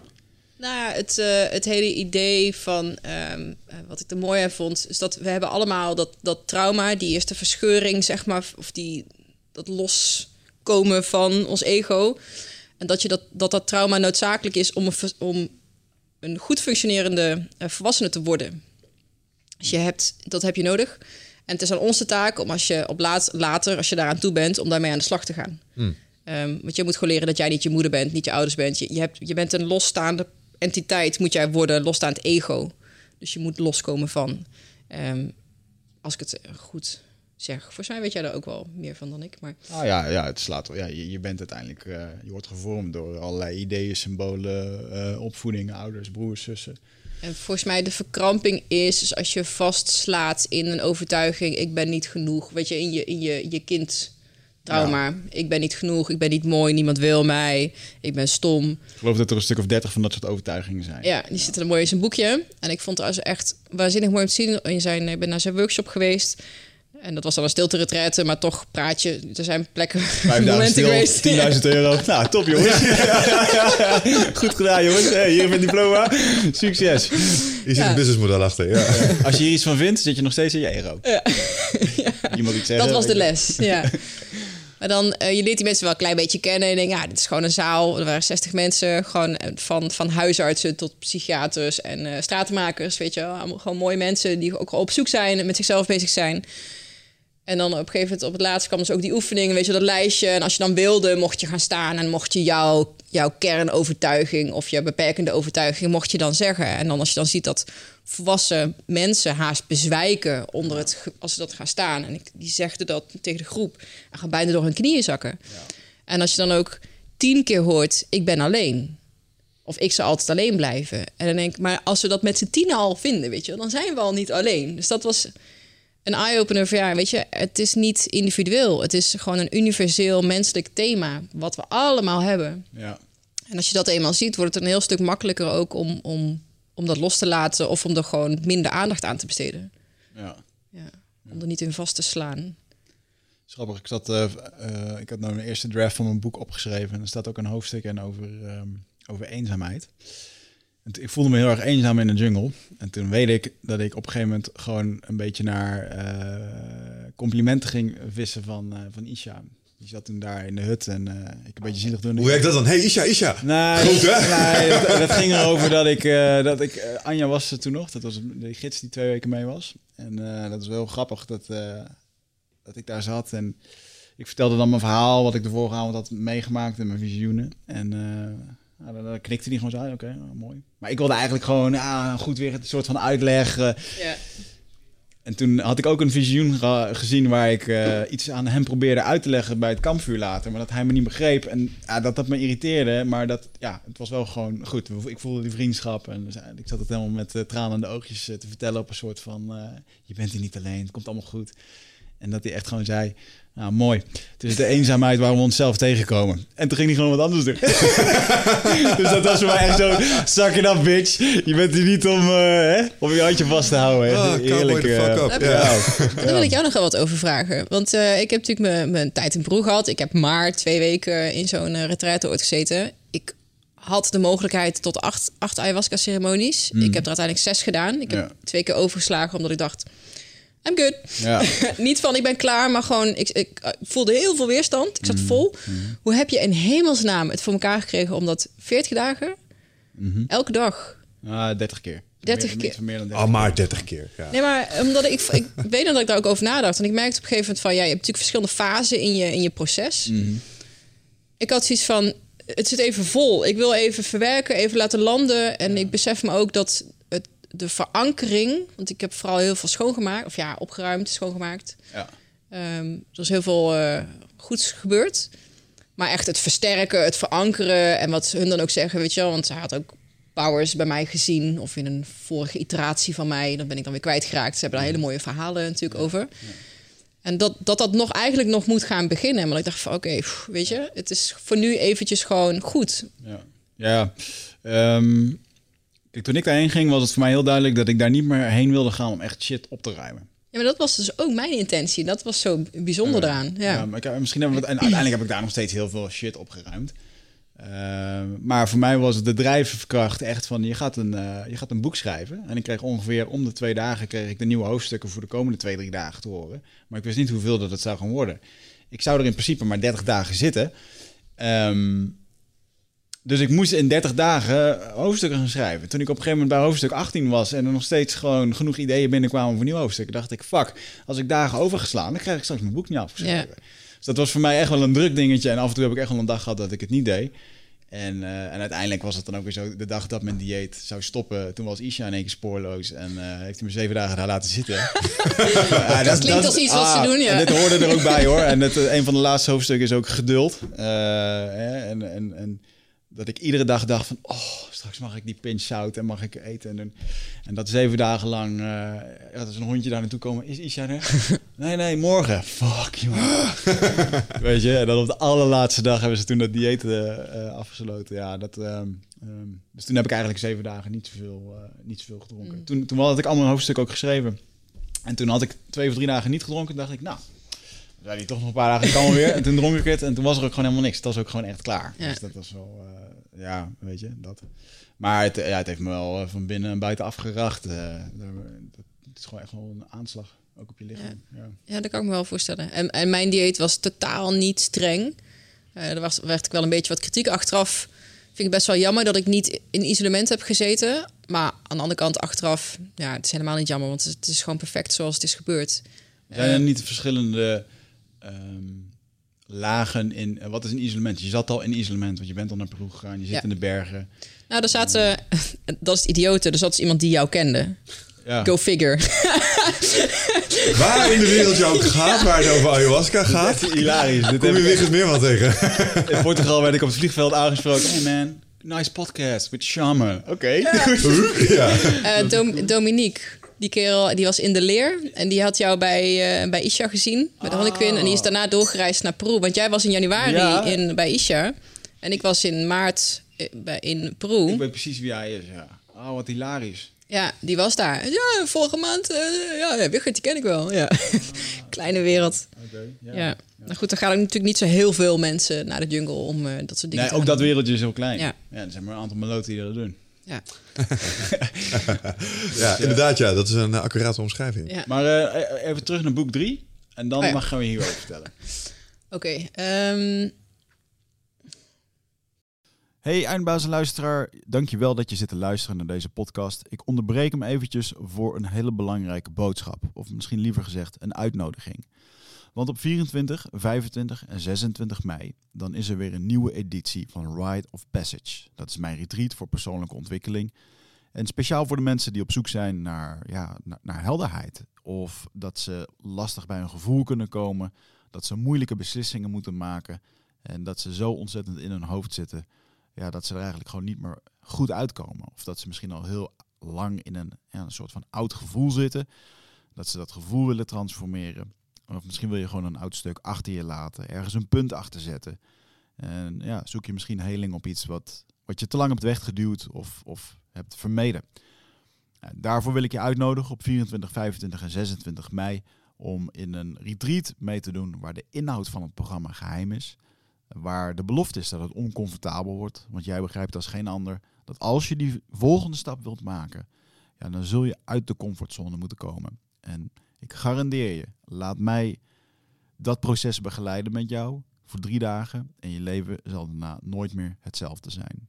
Gemiddeld beoordelen de deelnemers het met een 9,2.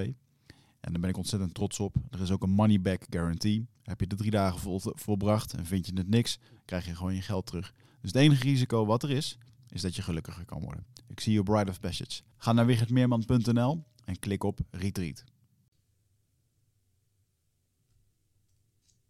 Hoe heet hij ook alweer? Ik zie zo de koffer voor me. Ik kom er zo meteen op, uh, Waar ging het over? Op terug. Nou, ook er zijn er een paar, zeg maar, die. Uh...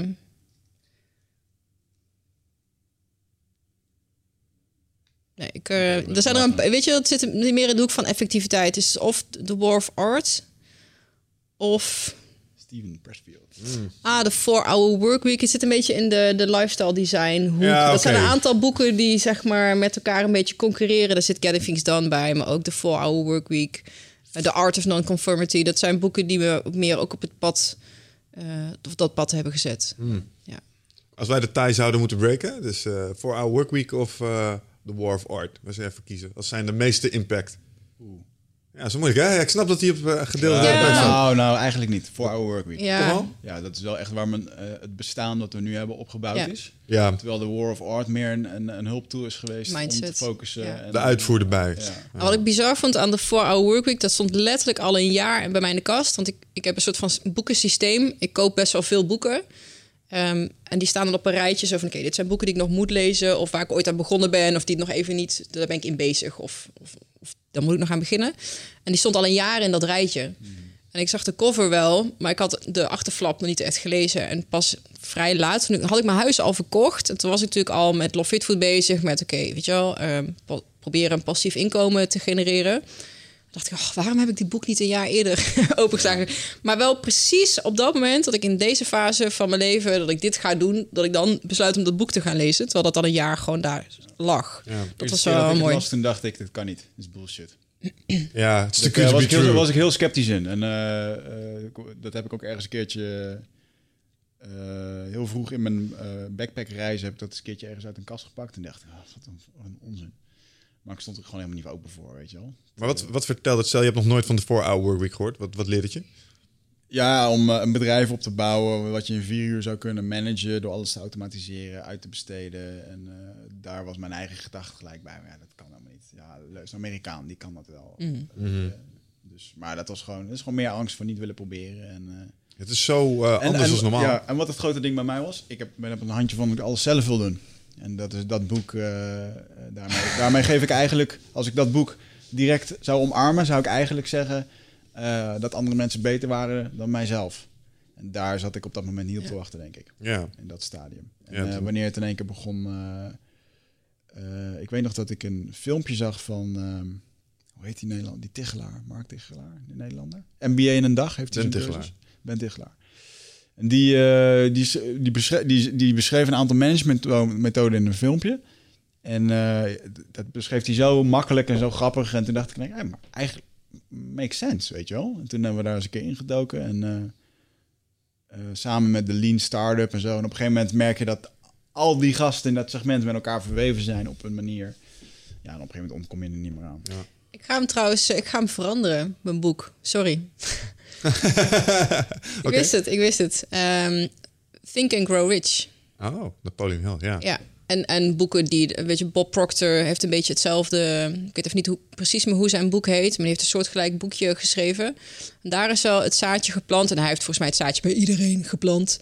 Dat um, nou, maakbaar vind ik een groot woord, maar het is zeker wel stuurbaar dat je je eigen realiteit kan creëren. Uh, weet je, de, de secret, daar geloof ik dan weer niet in. Maar wel het, het hele idee van, oké, als je ergens op focust, dan, uh, dan gaat het ook gewoon gebeuren. Ja. Ja, ik denk dat Napoleon Hill een beetje de, de godfather van ja. Tony Robinsons en zo is geweest. Maar van iedereen, want alles wat je daarna leest, denk je van, ah, nou, dit komt gewoon daaruit. En het boek is veel ouder, dus het is wel zo'n seed uh, geweest voor heel veel. Ik weet niet of, Napoleon Hill dan de Tony Robbins is geweest. Want die heeft volgens mij twintig jaar gedaan om dat boek te schrijven. Een soort van, uh, het is uiteindelijk gewoon een verslaggeving wat de grote der aarde doen. En hoe dat ze het doen. Ja, ja. Mhm. En uh, dat iedereen daar, ja, iedereen vertelt daarin hetzelfde, weet je wel. Elk nieuw persoonlijk leiderschapsboek is gebaseerd op diezelfde universele fundamenten. Ja. ja.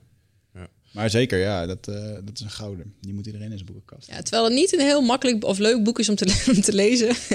het is een beetje oud. En uh, de voor, de, weet je, we kennen natuurlijk al die, die namen die hij aanhaalt allemaal niet meer. Maar ja. de, de essentie daar, daarom is Bob, Proctor is dan wat toegankelijker. Maar dat is eigenlijk vertelt hij hetzelfde. Dan moet je voorstellen dat je in die Amerikaanse revolutie of industrie eh, leeft. Hè, waar het op een gegeven moment de uh, toekomstbeeld was waar jij gewoon van 9 tot 5 in de fabriek zou werken eh, met je familie en die dingetje en een mooie auto en uh, een keer een hamburger eten in het weekend.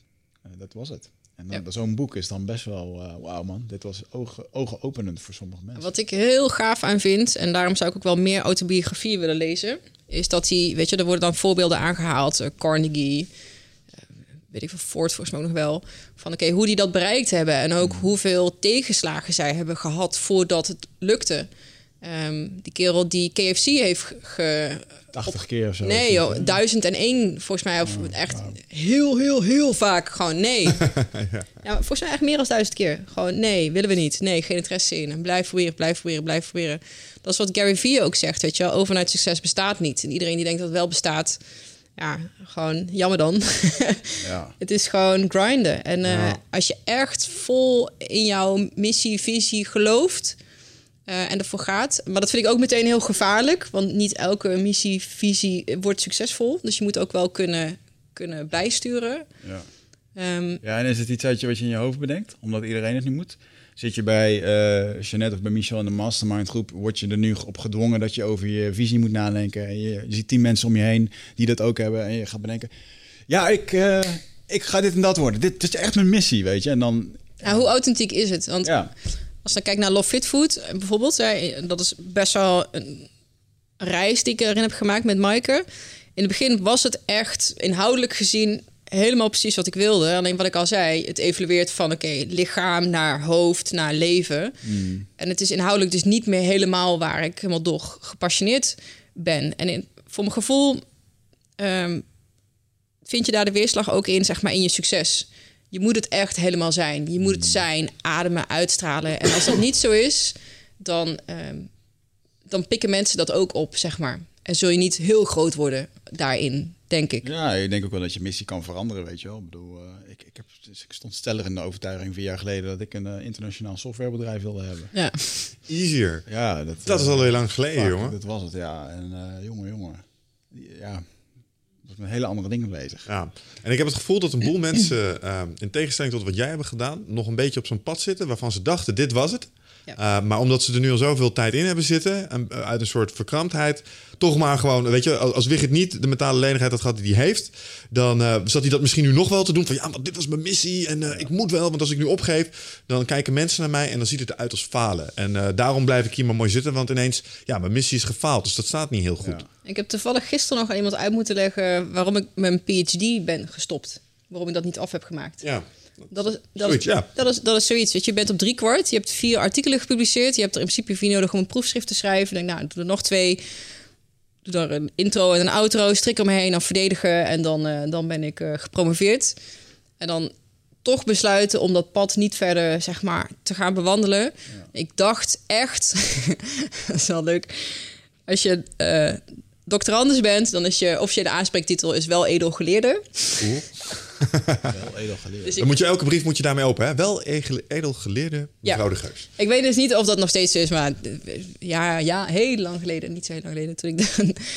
En toen kwam ik erachter dat voor een dokter, dus een PhD, een gepromoveerde, is het wel edel zeer geleerde. Oh. en dat vond ik dan zo, vond het zo kicken. Ik denk, ah, oh, vet. Weet je, ik wist toch niet wat ik met mijn leven wilde. Studeren ging me wel makkelijk af. Nou ja, misschien wil ik ook wel een keer aan mijn promotie beginnen. Ik heb er ook een, een research master ervoor gedaan, twee jaar master. En uiteindelijk ook wel langs allerlei zijwegen, want niks gaat bij mij heel erg rechtlijnig. Ook in een promotietraject uh, naast mijn werk terechtgekomen. En dan toch is ja, maar dit is, dit is het niet. Die academische wereld, het is tof. En ik vind het leuk om te weten dat ik het kan, zeg maar. Hmm. Dat ik naar die congressen kan gaan en wetenschappelijke artikelen kan publiceren, onderzoek kan doen. Alleen ja, dat is zo uh, ellebogenwerk. En op basis van anciëniteit, als je er maar lang genoeg zit en hard genoeg knokt en in je stoffige kamertje achter. Weet je, dat, dat beeld wat wij hebben van de academische wereld, dat is helaas ook echt zo. En dat is gewoon niet hoe ik in elkaar zit. Weet je, ik kan echt super hard gaan en keihard werken, maar dan wil ik daar ook gewoon een soort van meteen resultaat van. En dan maar liever dus mijn eigen pad bewandelen. En niet, want ja, weet je, je PhD stopzetten ik heb daar echt aan heel veel mensen moeten uitleggen waarom dan in de hemelsnaam. Ja, maar je vergooit je, vergooit je carrière, je toekomst. Ik, ja, maar ja, mijn, mijn toekomst is niet het doorsneeplaatje. Dus nee. ik vergooi er niks mee. Ja. Nee, en ik denk dat het moedig is als mensen zoiets constateren. Ook al zitten ze op uh, eh, 95 procent. Als je erachter komt, ja, het is het niet, het is oké. Want als ik dit nu wel afmaak, dan uh, zit er ook een label op me en moet ik waarschijnlijk dit ook uh, de volgende stap weer nemen. Het is, er is niks mis mee om te zeggen, nee, dit is gewoon niet voor mij en ik moet de andere kant op. Want het feit dat je erachter bent gekomen dat niks voor jou is, was ook informatie en dus ook voortgang. En dat is wat mensen soms uh, uh, niet helemaal kunnen accepteren of zo. Omdat, ja. Ja, het is het vlijmscherpen van je bijl, weet je wel. Ik, bedoel, uh, ja ik, ik, ik, zie wel steeds meer, dat steeds meer mensen wel wat, wat meer een bel zou durven zijn. En, ik zit natuurlijk nu ook zelf met een dochter, uh, wat er ook wel over. Ja, wat, als, als die straks nou gewoon op de 14e zegt van papa, ik wil een eigen kledingmerk opzetten. En moet je dan zeggen, je moet wachten tot je 18 en 21ste? Go fucking do it, weet je wel. Hier heb je een lening van 5000 euro en uh, ga het doen. Ja, meen je dat? Ja. Ik zou het niet overal mee hebben, eerlijk gezegd. Sorry? Dat zou ik niet overal mee hebben, eerlijk gezegd. Uh, een, een, eigen ondernemertje starten, daar snap ik nog wel iets van. Maar als je echt super rebel zou zijn, ik denk dat je ook een rol als ouder hebt om het oh. kind te behoeden voor eventuele nee, misstappen. Nee, natuurlijk. Maar dan zou, ik, dan zou ik er daar wel in stimuleren van, oké, hey, wil je dat doen? Maar hoe ga je dat dan doen? Weet je? En dan zou ik er daar, ik zou er gewoon daar wel in mee in proberen te, te coachen. Maar waarom als iemand uh, ik, ik had echt brandende verlangens en dromen toen ik 16 jaar was. Men werd fucking geremd door alles in mijn omgeving. Mm. Achteraf draagt dat bij tot wat je nu bent. Maar hey, hoe was het gegaan als, ik, als dat gewoon gestimuleerd was? Als er gewoon was gezegd van, weet je, je vindt het leuk. Je vindt computerspelletjes leuk om te spelen? Ga het meer doen. Ja. Ja, we hebben het hier ook over met die gamer uh, dude. Uh, mm. Weet, weet je dat er nu voor een paar miljoen lekker te gamen? En, uh, ja, ja, het kan. Het kan allemaal. Dus ja, ah, goed, je weet het achteraf toch nooit. Mm. maar even een sprongetje, want dat verhaal van Peru vind ik ook leuk. Om, ik weet, ik, waarom ging je erheen? Wat, wat ben je daar gaan doen? En, um, ja, het is een. Ja, natuurlijk weet je, als je in je, in je ayahuasca zelfontwikkelingsreis zit. Ik wist dat ik nog niet klaar was ermee. Ik had al uh, drie ceremonies gehad uh, in Nederland in de afgelopen twee jaar. En um, het is een, uh, ja, gewoon een wens, weet je wel. Oké, ik wil dat gewoon daar zien. Gewoon in, in die context waar het vandaan komt. Dat wilde ik heel graag zien. Uh, en ook gewoon een nieuwsgierigheid. Want een beetje net zoals wat jij ook zei. Ik, na mijn laatste ceremonie dacht ik, ja, ik heb niet superveel op te ruimen. Of weet je, ik heb niet echt één brandende wens van, oh, hier wil ik mee dealen. Of nog uh, uh, mooier maken. Maar echt een interesse. Oké, weet je, plant consciousness. Is dat een ding? Hoe zit het met de kosmische kennis? Ik, ik was vooral gewoon heel geïnteresseerd. Van oké, ja, show me, teach me. Gewoon laat maar zien.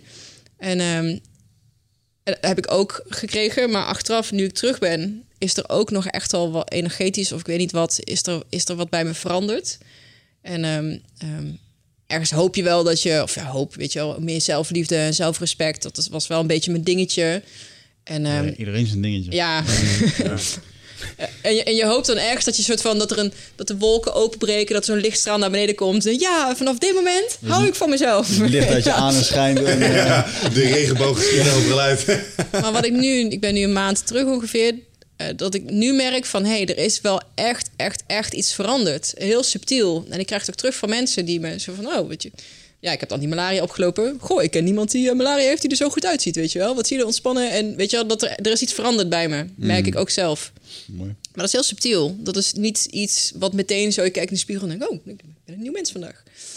Ja. Um, maar dat is de reden om daarheen te gaan, was gewoon die interesse. En ook, weet je wel, ik wil niet zelf uh, mensen gaan begeleiden of, of maar ik merk bijvoorbeeld in de coaching, um, weet je, dus misschien is het iets waar je mensen naartoe kan sturen of iets over kan leren. Of mensen ook te helpen met het proces daarna, de integratie daarna. Want dat vind ik eigenlijk nog wel heel erg interessant.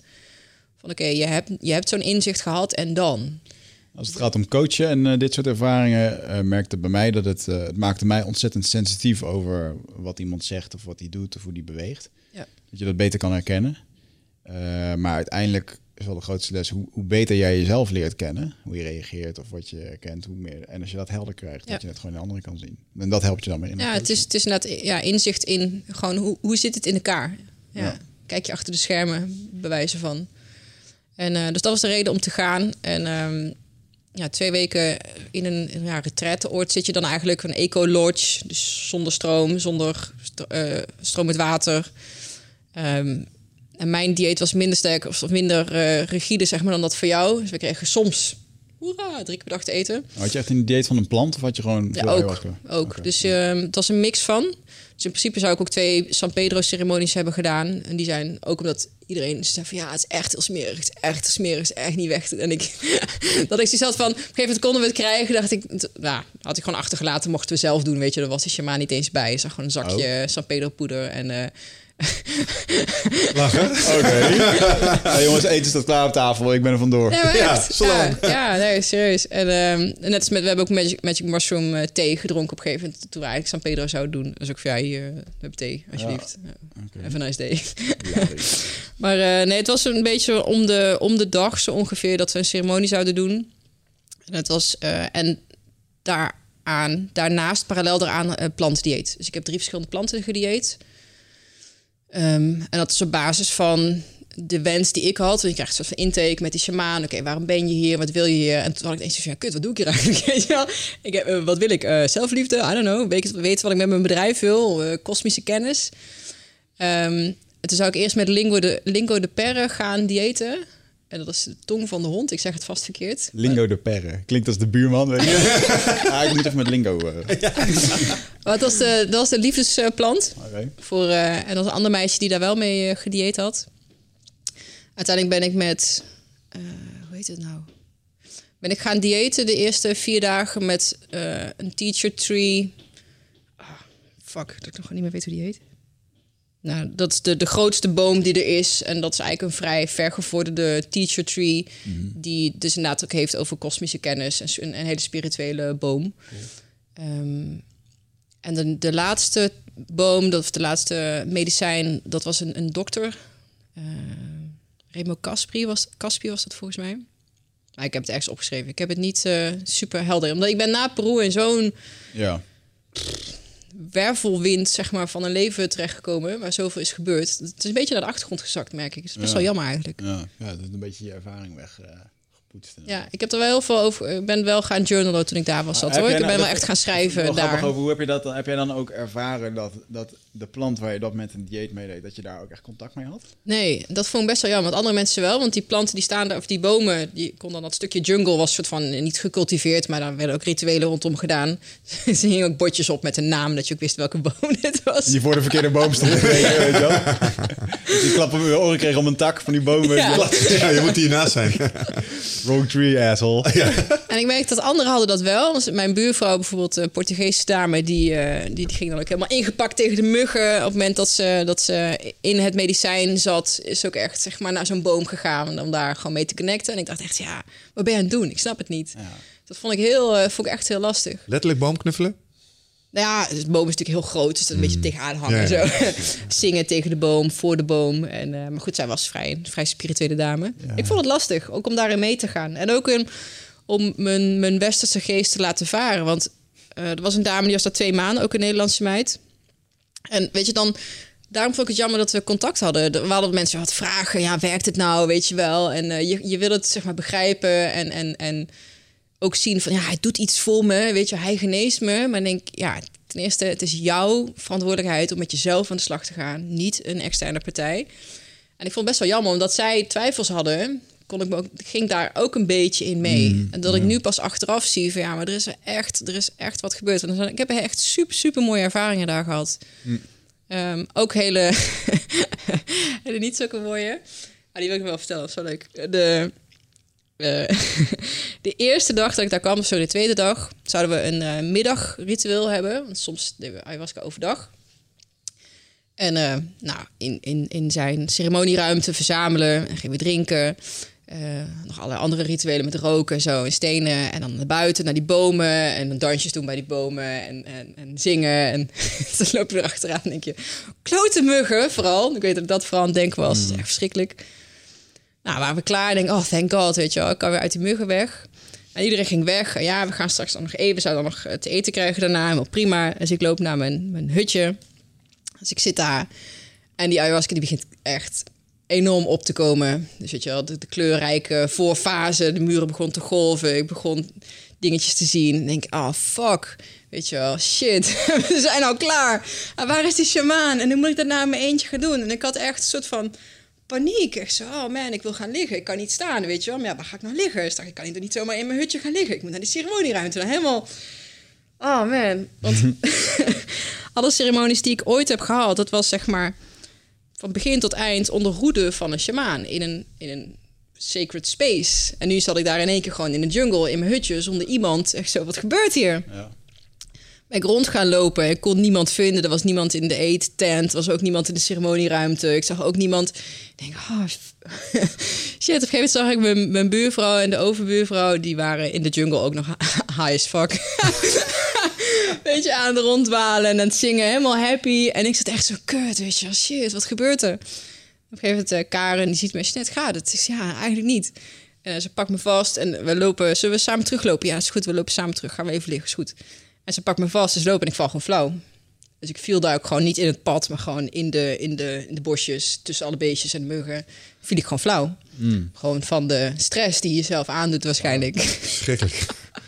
Karen super lief. Maar die andere, die Portugese dame, die was natuurlijk helemaal...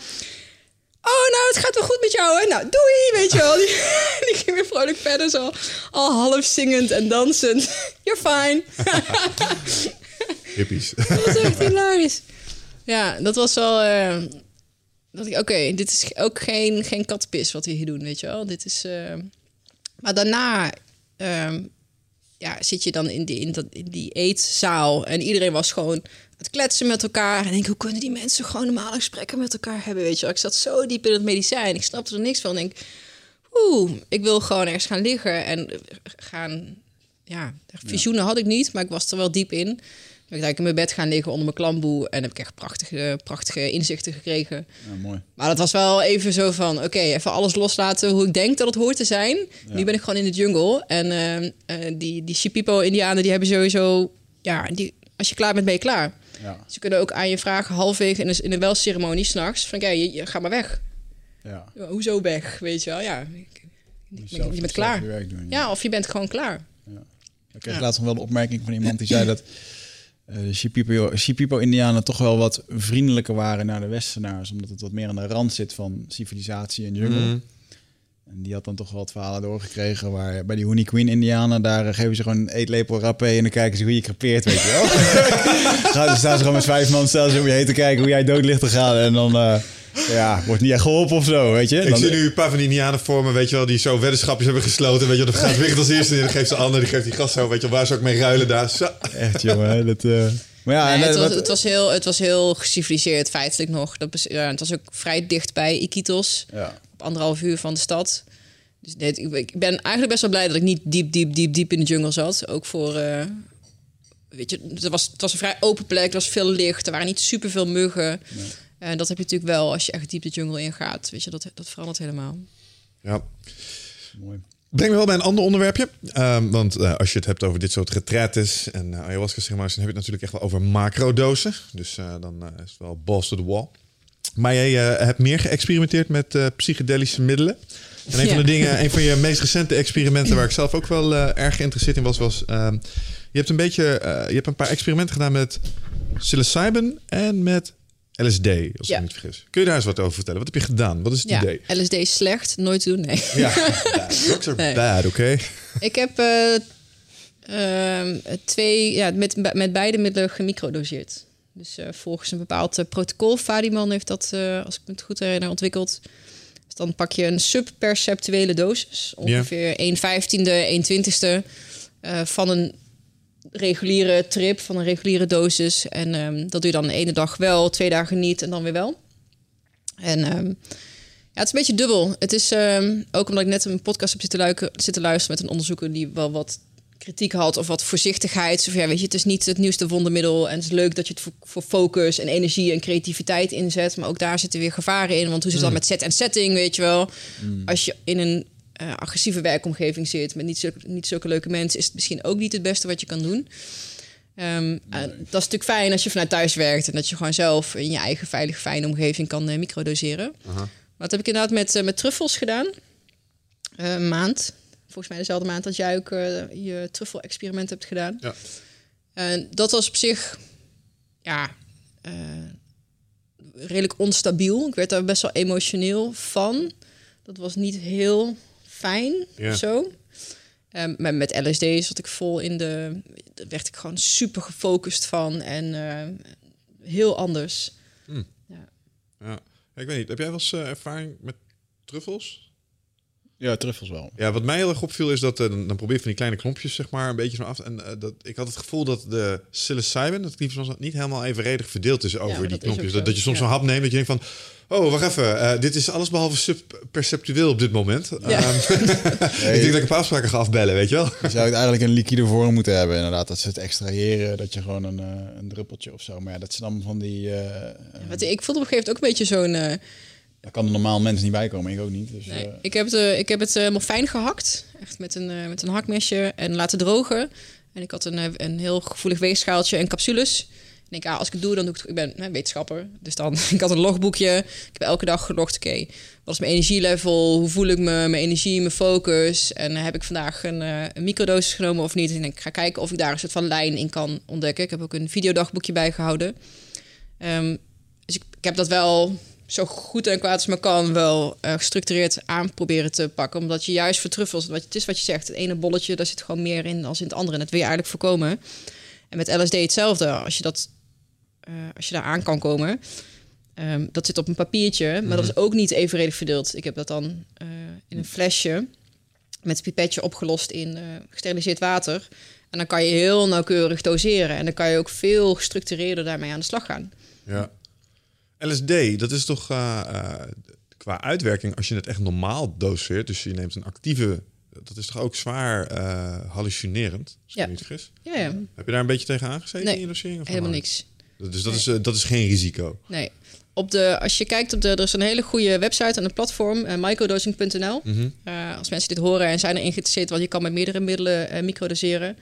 ga er zeker heen. Um, ze hebben ook regelmatig meetups en dat soort dingen. Dus er zijn mensen echt heel fanatiek mee bezig. Ook die heel erg geïnteresseerd zijn in de wetenschappelijke kanten van, de onderzoekskant en de lange termijn effecten. Zeker nog, ik heb die meneer die erachter zit, heb ik ook in de podcast, mijn eigen podcast gehad. Julie van Geest had het hier nog over die club destijds, volgens mij. Ton Nabbe. Ja, ja. die daar uh, ook naartoe was geweest, ja. Ja, ik heb hem ook een heel tof gesprek met hem ook uh, gehad. Hij is, zit in de Psychedelic Society Nederland. Mm -hmm. Mooi. Um, Er is zoiets blijkbaar, ja. ja. ik ben laatst ook naar een lezing gegaan van de Psychedelic Research Association uh, Amsterdam. Ja. Ja, er wordt gewoon onderzoek naar gedaan. Ja, ik, word, uh, ik word nog steeds iedere keer gemaild uh, um, of ik ehm, mee wil doen aan een onderzoek in Maastricht om, ja. Om er een MRI-scanner te komen. Ja. Met, ik heb me even aangemeld, maar niks meer van gehoord. Ik wel, alleen mij hebben ze toen afgewezen omdat ik toen naar de jungle ging. Uh, de kans was vrij hoog dat ik daar iets van DMT-achtige substanties zou nemen. Jo. en, um, uh, maar nu kreeg ik die kleine, maar nu, uh, nu ga ik dat wel weer even aanzwengelen. Want dat, dat, dat, je ziet wel dat ze er echt heel veel moeite voor doen. Het kost echt heel veel knagen om dat ja. te huren en te doen. En ze zien mij wel een geschikt kandidaat. Maar um, dan moet je ook, mag je niet heen rijden. Je moet daar echt liefst ook even overnachten of zo. Dat je niet te veel prikkels ja. hebt. ik ben wel benieuwd. maar als je het nou hebt over set en setting. Ik bedoel, zo'n MRI-scanner. Heb je al zo'n ding gelegen? Smilt intimiderend. Ja, maar voor mij, ik vind dat wel, voor mij is dit ook een experiment, snap je? Ja. Dus want ze gaan me een placebo geven. Je weet niet of het wel of ja, niet is. Ja, en dan ben ik wel heel benieuwd. Nou, uh, als het zoals, zoals ik het mezelf zie doen, dan denk ik, nou, knappe jongen die mij gaat voelen met deze shit, weet je wel? En dan, als dat echt zo blijkt te zijn, dan zou ik verbaasd zijn van mijn eigen placebo. Ik heb uh, laatst was een van de, de leidende onderzoekers van het, uh, wat is het, de psycho-assisted MDMA, MDMA uh, of MDMA, Psycho-Assisted Therapy. Dus de phase 3 clinical trials die nu bezig zijn uh, met MAPS. Een van die onderzoekers die zei ik van... een van de problemen met dit soort onderzoek... is dat de subjecten echt wel weten of ze placebo hebben of niet. Want normaal onderzoek, weet je... heb je een placebo-groep en een non-placebo-groep. Ja. En dat is altijd ver met, met medicijnen testen. Ja. Maar dat het gewoon een probleem is in dit soort type onderzoek... dat mensen het echt al in de gaten hebben. Wat zei Dick Swaap nou over dit? Dat mensen in Nederland... moet je, moet je vertellen? Ja, dat ze een placebo krijgen. Echt? Ja. Maar dat, dat haalt het hele ja, onderzoek ja, er dat onderuit. zei hij ook. Maar je moet ze melden dat ze de placebo toegediend ja. krijgen. Ja, en dan nog werkt het. Ja, ja dat was wel bijzonder. ja.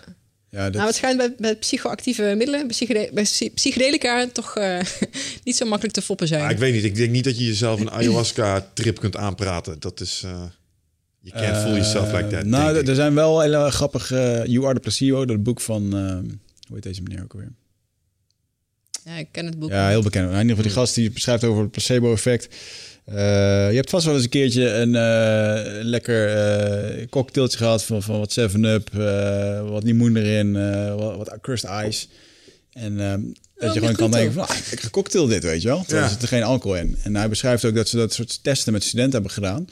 Dus gin-achtige dingetjes gemaakt, iedereen daar. En op een gegeven moment begonnen mensen gewoon om te vallen en uh, groots te doen. Een beetje apengedrag, borst vooruit en uh, ja, een beetje dronken. We zijn lekker feest aan het vieren, dat idee. Terwijl er zat gewoon geen alcohol in. En dat hebben ze meerdere keren herhaald. Dus ja... Ja, het placebo-effect is echt, uh, je, je kan niet omheen. Ja, het heeft alles te maken met je, met je wat zei Swaap ook alweer? Je overtuiging.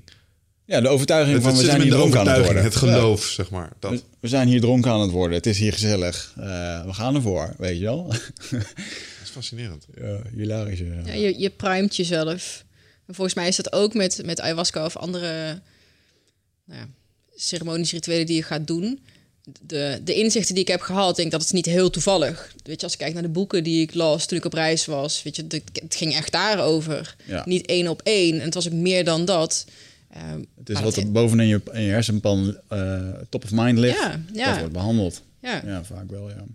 En zo kan je volgens mij jezelf, daarom zijn die intenties dan denk ik wel zo belangrijk. Zo kan je jezelf natuurlijk ook een hele hoop ellende aanpraten. Als jij verwacht van, oh, weet je, dit gaat zwaar worden. En uh, oeh, uh, ik moet gaan graven en ellende op, uh, oprakelen. Ja. Terwijl dat, dat merkte ik nu in Peru. Ik denk, daar was ik helemaal niet mee bezig. En dat is ook helemaal niet naar boven gekomen. Het was gewoon, ja, nee. totaal anders. Ja, dat is ook met mensen die altijd bezig zijn met demonen en andere dingen. Ja. Als dat in je wereld zit, ga je het krijgen. Ja. Punt. Ja. Ik wilde net iets zeggen over dat uh, micro. Oh ja, dat, daarom noemde ik de website. Op de website staat dat je eigenlijk gewoon met een lage dosis moet beginnen en dan opwerken en dan kijken waar je de grens aanraakt met dat het niet meer subperceptueel is. En dan weet je, oké, dat is de bovengrens. Er zijn bijvoorbeeld 15 druppels. Misschien is 10 voor mij genoeg en dan ga ik daarop varen, zeg maar. Ja.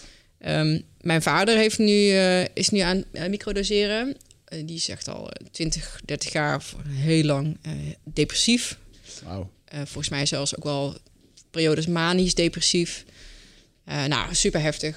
Um, en ik weet dat microdoseren, LSD of sowieso psychedelische uh, middelen echt wel kunnen helpen bij depressie. Dus ik had ook al een keer aangeboden voor joh, weet je, als het je roept, als, als je denkt van nou, dit kan mij verder helpen, ga dan zo'n ayahuasca ceremonie doen. Ik wil het desnoods voor je betalen, weet je wel, maar gewoon ja. om jou. Hè? Het heeft mij heel veel gebracht, dus wellicht dat het voor jou ook wat uh, doet. Nou, dat was te ver weg voor hem.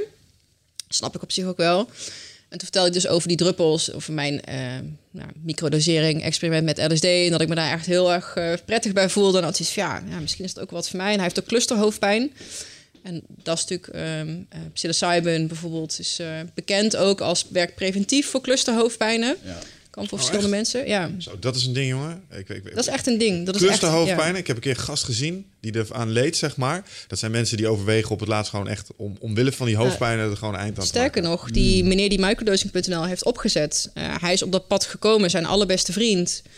Uh, leed aan clusterhoofdpijnen. En zij pakte één keer in de zoveel tijd een macrodosis uh, Ja. mushrooms of truffels. Omdat hij erachter kwam van... hé, hey, dit zorgt ervoor dat ik dat niet heb. Oh.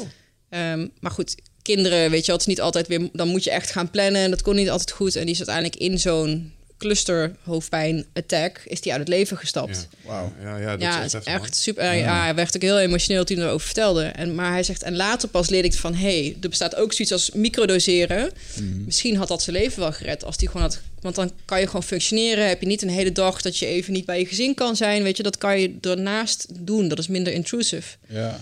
Um, dus vandaar ook dat zij heel erg wel bezig zijn met het medische effect, de wetenschappelijke onderzoeken die daarover uh, gedaan worden, lange termijn effecten. En niet alleen maar, oh, wat fijn dat ik vandaag iets meer, uh, iets meer energie nee. heb en me iets beter kan focussen. Dat, ja. weet je wel. Heel veel mensen zullen hier nu naar luisteren en denken, ja, lekker cowboyen met allemaal dingen wat verboden is, bla bla. Maar let maar op jongens, over vijf tot tien jaar. Mm. Ja, zit uh, dan kan je, kan je gewoon, en er zijn nu al testen, het zit sterker nog, het zit nu al in fases in Amerika dat het al goed gekeurd is voor dat een is volgend onderzoek. Ja. Uh, psilocybin-therapie, MDMA-therapie, Ja. het, het is er gewoon over vijf, tien jaar. En het kan familie van je redden, hoe erg dat je nu ook tegen drugs of, of wat dan ook bent. Uh, Weet je, we rennen gewoon niet voor weg, want het gaat is, gewoon komen. Het is geen, geen wondermiddel, absoluut niet. Dat zeggen die onderzoekers ook. Weet je, die, die lead-onderzoeker die zei... Het gave is, als je kijkt naar de... Wat, wat bij onderzoek interessant is, is de effect groot. Oké, okay, heeft het effect ja of nee? Maar als je kijkt naar medicijnen, is de grootte van het effect vaak heel klein. Mm. Uh, en zij doen dan onderzoek naar uh, PTSS, dus posttraumatisch stresssyndroom. Oké, okay, wat ze kunnen doen is een beetje papa en nat houden, symptoombestrijding. Die mensen die moeten een heel leven lang antidepressiva slikken of whatever, ja. of anti-angstmedicijnen is dat je met drie MDMA-sessies... en ze krijgen dan voorbereiding, drie sessies... een MDMA-dosis, onder begeleiding van een therapeut... zeg maar in een setting... drie vervolgsessies, nog een keer een dosis... nog drie sessies, dus ze krijgen drie keer... met eromheen nog negen keer, zeg maar, dat ze kunnen praten. Ja. En die zijn gewoon genezen. Ja, het is gewoon ook een helingspercentage van 85% Ja. of zo. Dat is fucking bizar. Eh, gewoon, maar die hebben het daarna dus niet meer nodig. Ja, ja dat is cool hoor. In, in tegenover, ik bedoel... De andere optie is je leven lang ehm, eh, pillen slikken. Of Ja. je leven lang kut voelen en nachtmerries hebben. Ja. Wat, wat doet het nu voor je vader? Ehm, dat is wel grappig. Twee dagen lag op de bank. Je ziet allemaal dingen op de muur. Dat is wel grappig, want, eh, of ja, eigenlijk ook weer niet. Eh, de eerste paar weken merkte hij heel weinig. Hij begon op dosis waar ik ook mee begon. Gewoon 1 tiende, 1 vijftiende van een, eh, of 1 twintigste van een trip. Ja, ik merk niks, ik merk niks, ik merk niks. En hij zit zeg maar op wat hij neemt, dat zou voor mij nu bijna een trip zijn, zeg maar. Ja. Ik denk, als iemand heel lang antidepressiva heeft verslikt... of gewoon zo ver vast in zijn patronen zit... die heeft gewoon meer nodig van dat middel... En eh, het is geen wondermiddel. Het is geen wondermedicijn. Het is niet dat hij nou lachend door het leven gaat. Ehm, maar hij zei letterlijk van ja, ik heb gewoon meer energie. Ik heb gewoon weer ideeën. Ik heb gewoon, want hij is ook werkloos. Ik heb gewoon weer ehm, eh, inspiratie. Oh, oh, misschien kan ik dit gaan doen. Ja. Nou, voor mij is dat echt een enorme stap. En eh, laatst had hij dan weer een weekend dat het niet zo goed ging. En dat, dat het dan maar twee dagen duurt. Ja, ja, ja. ja, En niet dat iemand daar weer twee, drie maanden helemaal, helemaal zeg maar aan de grond zit en daarin meegezogen wordt, maar dat hij kan uitzoomen en zien wat er gebeurt. En hij ziet het zelf niet echt, maar denkt, het is gigantische winst. Gigantisch. Ja, ja ik, ik, ik ben zelf niet iemand die uh, neerslachtige neigingen heeft. Maar wat ik me heb laten uitleggen over depressie... is dat het met name de, het onvermogen om tot actie over te gaan is. Ja, maar niet daar krijgt hij dat setje in. Ja, ja. Ah, dat is mooi. En weet je, en dan is het aan jou wat je met, het, wat je met dat setje doet. Ja. Ik bedoel, en daarom heb ik zoiets van... was ik best wel een beetje angstig van tevoren. En denk ik, ja, ik kan je dat nu wel zorgen dat je dat krijgt. Um, maar ik wil wel dat je ook met iemand gaat praten. Die jou gaat mhm. helpen, weet je wel. Je blijft niet gewoon op de bank zitten. En uh, dat heeft hij gelukkig ook wel gedaan. Weet je, dus je, je, krijgt, je kan dat setje krijgen. Nogmaals, disclaimer. Dus niet zeg maar ja, ja, geen wondermiddel. Nee, ja. maar ik ben wel blij dat hij daar wel wat in, in een reïntegratietraject, een stage lopen, weet je, dat hij, dat hij daar wel, dat het hem helpt. Ja, ja is echt fantastisch. Ja, mooi. Maar ja, dat wat Wigert zei, het is, het is gewoon nog onorthodox. Um, ja. En ik ben wel benieuwd inderdaad als je kijkt naar het behandelen van depressies en dat soort uh, en angststoornissen. Ik denk oprecht wel dat dit uh, therapeutisch uh, ingezet gaat worden, ook in Nederland, want we zijn er nog wat conservatief in. Maar ik denk dat Amerika daar nu. Uh, ik denk met de extreme en zeker de extreme gevallen, dat want voor een even gechargeerd de huisvrouw die nu een depressie heeft, is het veel te ver gegrepen. Ja. Voor de oorlogsveteranen. Ik heb ook bij Joe Rogan van die gasten gehoord wat voor cocktails dat die binnenkregen. Dat ze niet flauw vielen, dat hun hart het niet meer gaf, bloedverdunners, heel de fucking shit. Uh, dat soort extreme gevallen. En als die er in één keer vanaf komen, en dan zou het waarschijnlijk ook wel gewoon, joh, uh, de, de angst die zo'n oorlogsveteraan heeft, die, uh, die angst die hij ervaart, kan voor een huisvrouw precies hetzelfde zijn omtrent straatvrees of wat dan ook. Ja. Weet je wel? Mensen lopen zichzelf helemaal gek te maken. Ja. En ik denk wel dat daar, uh, ja, er ligt heel veel goud in. Wat, uh, wat nou, zoals ik het nu begrijp, wat uh, psychedelische middelen doen, is het verhoogt de neuroplasticiteit van je hersenen. Met andere woorden, we zitten, het is een langspeelplaat die in een bepaalde groef zit, bepaalde gedachten die je hebt, patronen die je hebt. En wat het kan doen, is even die naald er even uitwippen, waardoor je nieuwe sporen kan maken. en um, weet je, dat kan je eerst doen door een macrodosis van iets waardoor dat even heel, helemaal eruit is. Of met microdoseren, zeg maar, langzaam. Ja. Uh, weet je, alle tweede wegen zijn even valide. Um, ik zie echt wel heil in eerste macrodosis... en dat eventueel met een microdosering maand of twee maanden uh, verankeren. Ja. ja. er zit nu een Nederlandse teamleider op dat placebo-onderzoek... wat ze gaan doen voor veteranen en MDMA-therapie. Maar die wilde niet in de studio komen zolang het onderzoek liep. Ja. Dat is een Nederlander. Een en dat is ook een Belgische dame die... Uh, uh, daar moet ik ook nog even achteraan. Die wilde ik inderdaad ook wel spreken. Ja, die met ons bezig ik, ga, het in ieder geval wel verloggen als ik naar de Maastricht toe ga onder die machine kijken of dat. Uh... Meneer, wilt u uw iPhone uitzetten? Ja. Even een filmpje opnemen. Ah, jongens, ik lig hier. wow. ik geloof dat zo'n MRI-scanner zwaar magnetisch is. Ik denk niet dat het goed komt als je dat doet. ik denk niet dat ik aan de placebo-groep zit. Mooi. Ik heb nog een uh, kleine 10 minuten, jongens. Echt? Zijn wij al zo lang ja, eh, bezig? Tijd, de tijd vloog. Wauw. Dus, um, um, oké, nou, even over dit onderwerp hebben we het dan ook gehad. Ik wil nog even naar een laatste ding van jou. Jij bent ook lekker bezig met je masterminds. Ja. Evenementjes. Ja. Uh, evenementen in de zin van livecrafting en uh, je helpt mee met de 12 Waves gedachtegoed. Ik wou zeggen, dat was eigenlijk de reden om uit te nodigen. Maar ja, maar zoals dat wel vaker gaat met dit soort gesprekken, het gaat alle kanten op, behalve de kant die we van tevoren hadden bedacht. Maar dat geeft niet. Ja, ja, klopt. Masterminds. Daar, dat idee, daar, uh, dat heb je volgens mij. We hadden het er straks over het boek waar, uh, waar er al een beetje naar geïnzet. Met Pauline Hill, Think and Grow Rich. Maar je hebt dat wel goed neergezet uh, in het land. En ik zag dat en dacht ik, wauw, dit is wel echt gaaf. Maar hoe is dat nog, ja, ik heb tot jou, gekomen? Volgens mij daarom ooit contact met jou gezocht. Um, ja, ik, dat concept mastermind, ja, dat, dat komt natuurlijk in uh, Think and Grow, Grow, Rich naar voren. Maar je ziet dat, ik zag dat op meer plekken. En elke grote marketing guru had zijn eigen... Want ik was toen helemaal into internetmarketing. Ik wilde Love Fit Food echt, weet je. Ik wilde alles over weten. En al die podcasts erover luisteren. Dus dan een gegeven moment kom je dat een paar keer tegen. En denk oh, dat is interessant.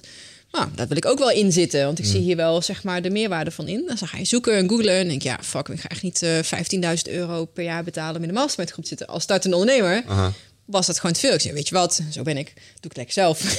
dus ik heb mijn hand opgestoken in mijn netwerk. En er waren redelijk uh, snel waren er gewoon mensen die zeiden van, nou, dat wil ik ook. Dat was echt een, een soort van pilot. Nou, eens kijken wat dit uh, oplevert. Dus gewoon tegen kostprijs, met bevriende mede-online ondernemers.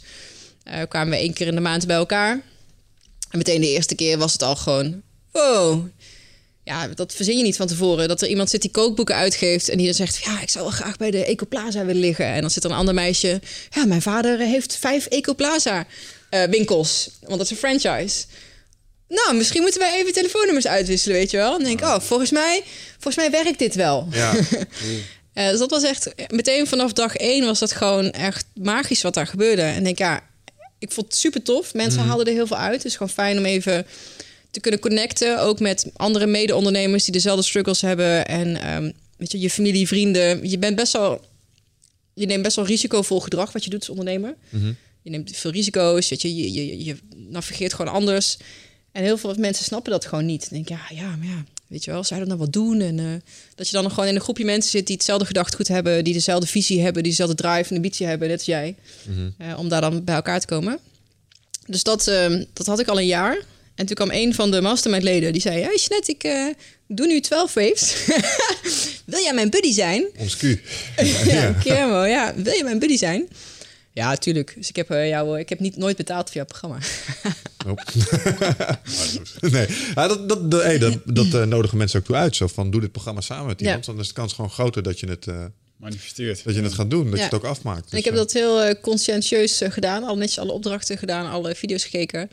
En uh, ik denk, ja, en ik las toen ook al die boeken, zeg maar. Dus het was voor mij één groot feest van herkenning. Ik denk, oh, oh, nog wat nieuwe elementen erbij. Het, hmm. stukje workflow, dat was voor mij dan wel nieuw. Maar het, de, het doelen stellen en het verhelderen, dat alweer niet. Ik denk, dit is mooi. Dit moeten eigenlijk al mijn masterminders gaan doen. Mm volgens mij heb ik jou daarom gebeld. Van, hey, weet je wel, de, de mastermind was de, de organisatorische structuur. 12 Waves was de inhoud die perfect bij die mastermind past. Dus van oké, als we nou allemaal ook nog dezelfde taal leren spreken, leren roadmap bijvoorbeeld, weet je, dan kunnen we echt gas gaan geven. Ja. En dat, uh, dus die eerste groep, na het eerste jaar dacht ik, oké, dit is tegen kostprijs. Ik moet natuurlijk ook wel een boterham kunnen eten. Uh, ik ga een andere groep starten. Um, een jaar, dit jaarprogramma wat we nu hebben lopen. Ja. Wat, wat, wat meer bij zit. Weet je, de mensen krijgen allemaal 12 waves. Er komen elke zes weken komt er een spreker. Dat is gewoon een, een mooier iets. Maar goed, dat is ook mijn businessmodel. Ik dacht, nou, die oude groep, die mensen kunnen of over, of misschien moet ik daarmee stoppen. Maar die wilden gewoon niet uit elkaar. die zei, ja, sorry, maar we willen nog gewoon uh, blijven bestaan. Dus uh, ja, mensen willen het ook niet als host van me overnemen. Dus die groep die bestaat ook nog steeds, de Original Masterminds. Um, en nu heb ik dus twee groepen. Dus de Originals mm. uh, en een 12 Waves ja. jaarprogramma. En dat zat zo snel vol, echt in anderhalve maand... dat ik ook overweeg om in het najaar gewoon een tweede groep te starten. Ja. ja. Weet je, je hebt gewoon ook ja, weet je, wat je met Love Fit Food en de podcast en het live crafting elementen, je best wel wat, je beseft je dat niet, zeg maar. Uh, mensen vinden dat wel cool en die wilden ook graag van je weten van, joh, hoe zit dat nou? En dan nog andere mensen die ook net zo geïnteresseerd zijn en ook dezelfde boeken willen lezen en ook met dezelfde vraagstukken zitten. Ja, het is gewoon te gek. Ja, die mastermind was voor mij een oplossing van een probleem waar we in onze eerste pilots tegenaan waren gelopen om mensen wel te voorzien van de kennis. 12 even is een kennisinjectie. Dat zijn skills die je moet eigen maken. Alleen het is vaak uh, motivatie is, is kortstondig. Dus mensen pakken dat even op en dan proberen ze even iets en dan zodra het begint te wrijven, de frictie ontstaat dan of haken ze af of ze hmm. gaan nog even door, maar uiteindelijk werkt het niet. En wat die mastermind geniaal deed, was een, een soort laag en een interval van bijeenkomsten waar accountability werd toegevoegd. En daar kon je plots bepaalde wijzigingen gaan borgen. Zo van, hé, hey, maar over zes weken, wat is er nou gebeurd En het fysieke uh, aspect, want we leven allemaal online. Het feit mhm. dat je gewoon fysiek bij elkaar komt, is super waardevol. Uh, en dat, ja, accountability, het mooiste voorbeeld is Peter Joosten. Ja. Die zit uh, van de Project Leven Show.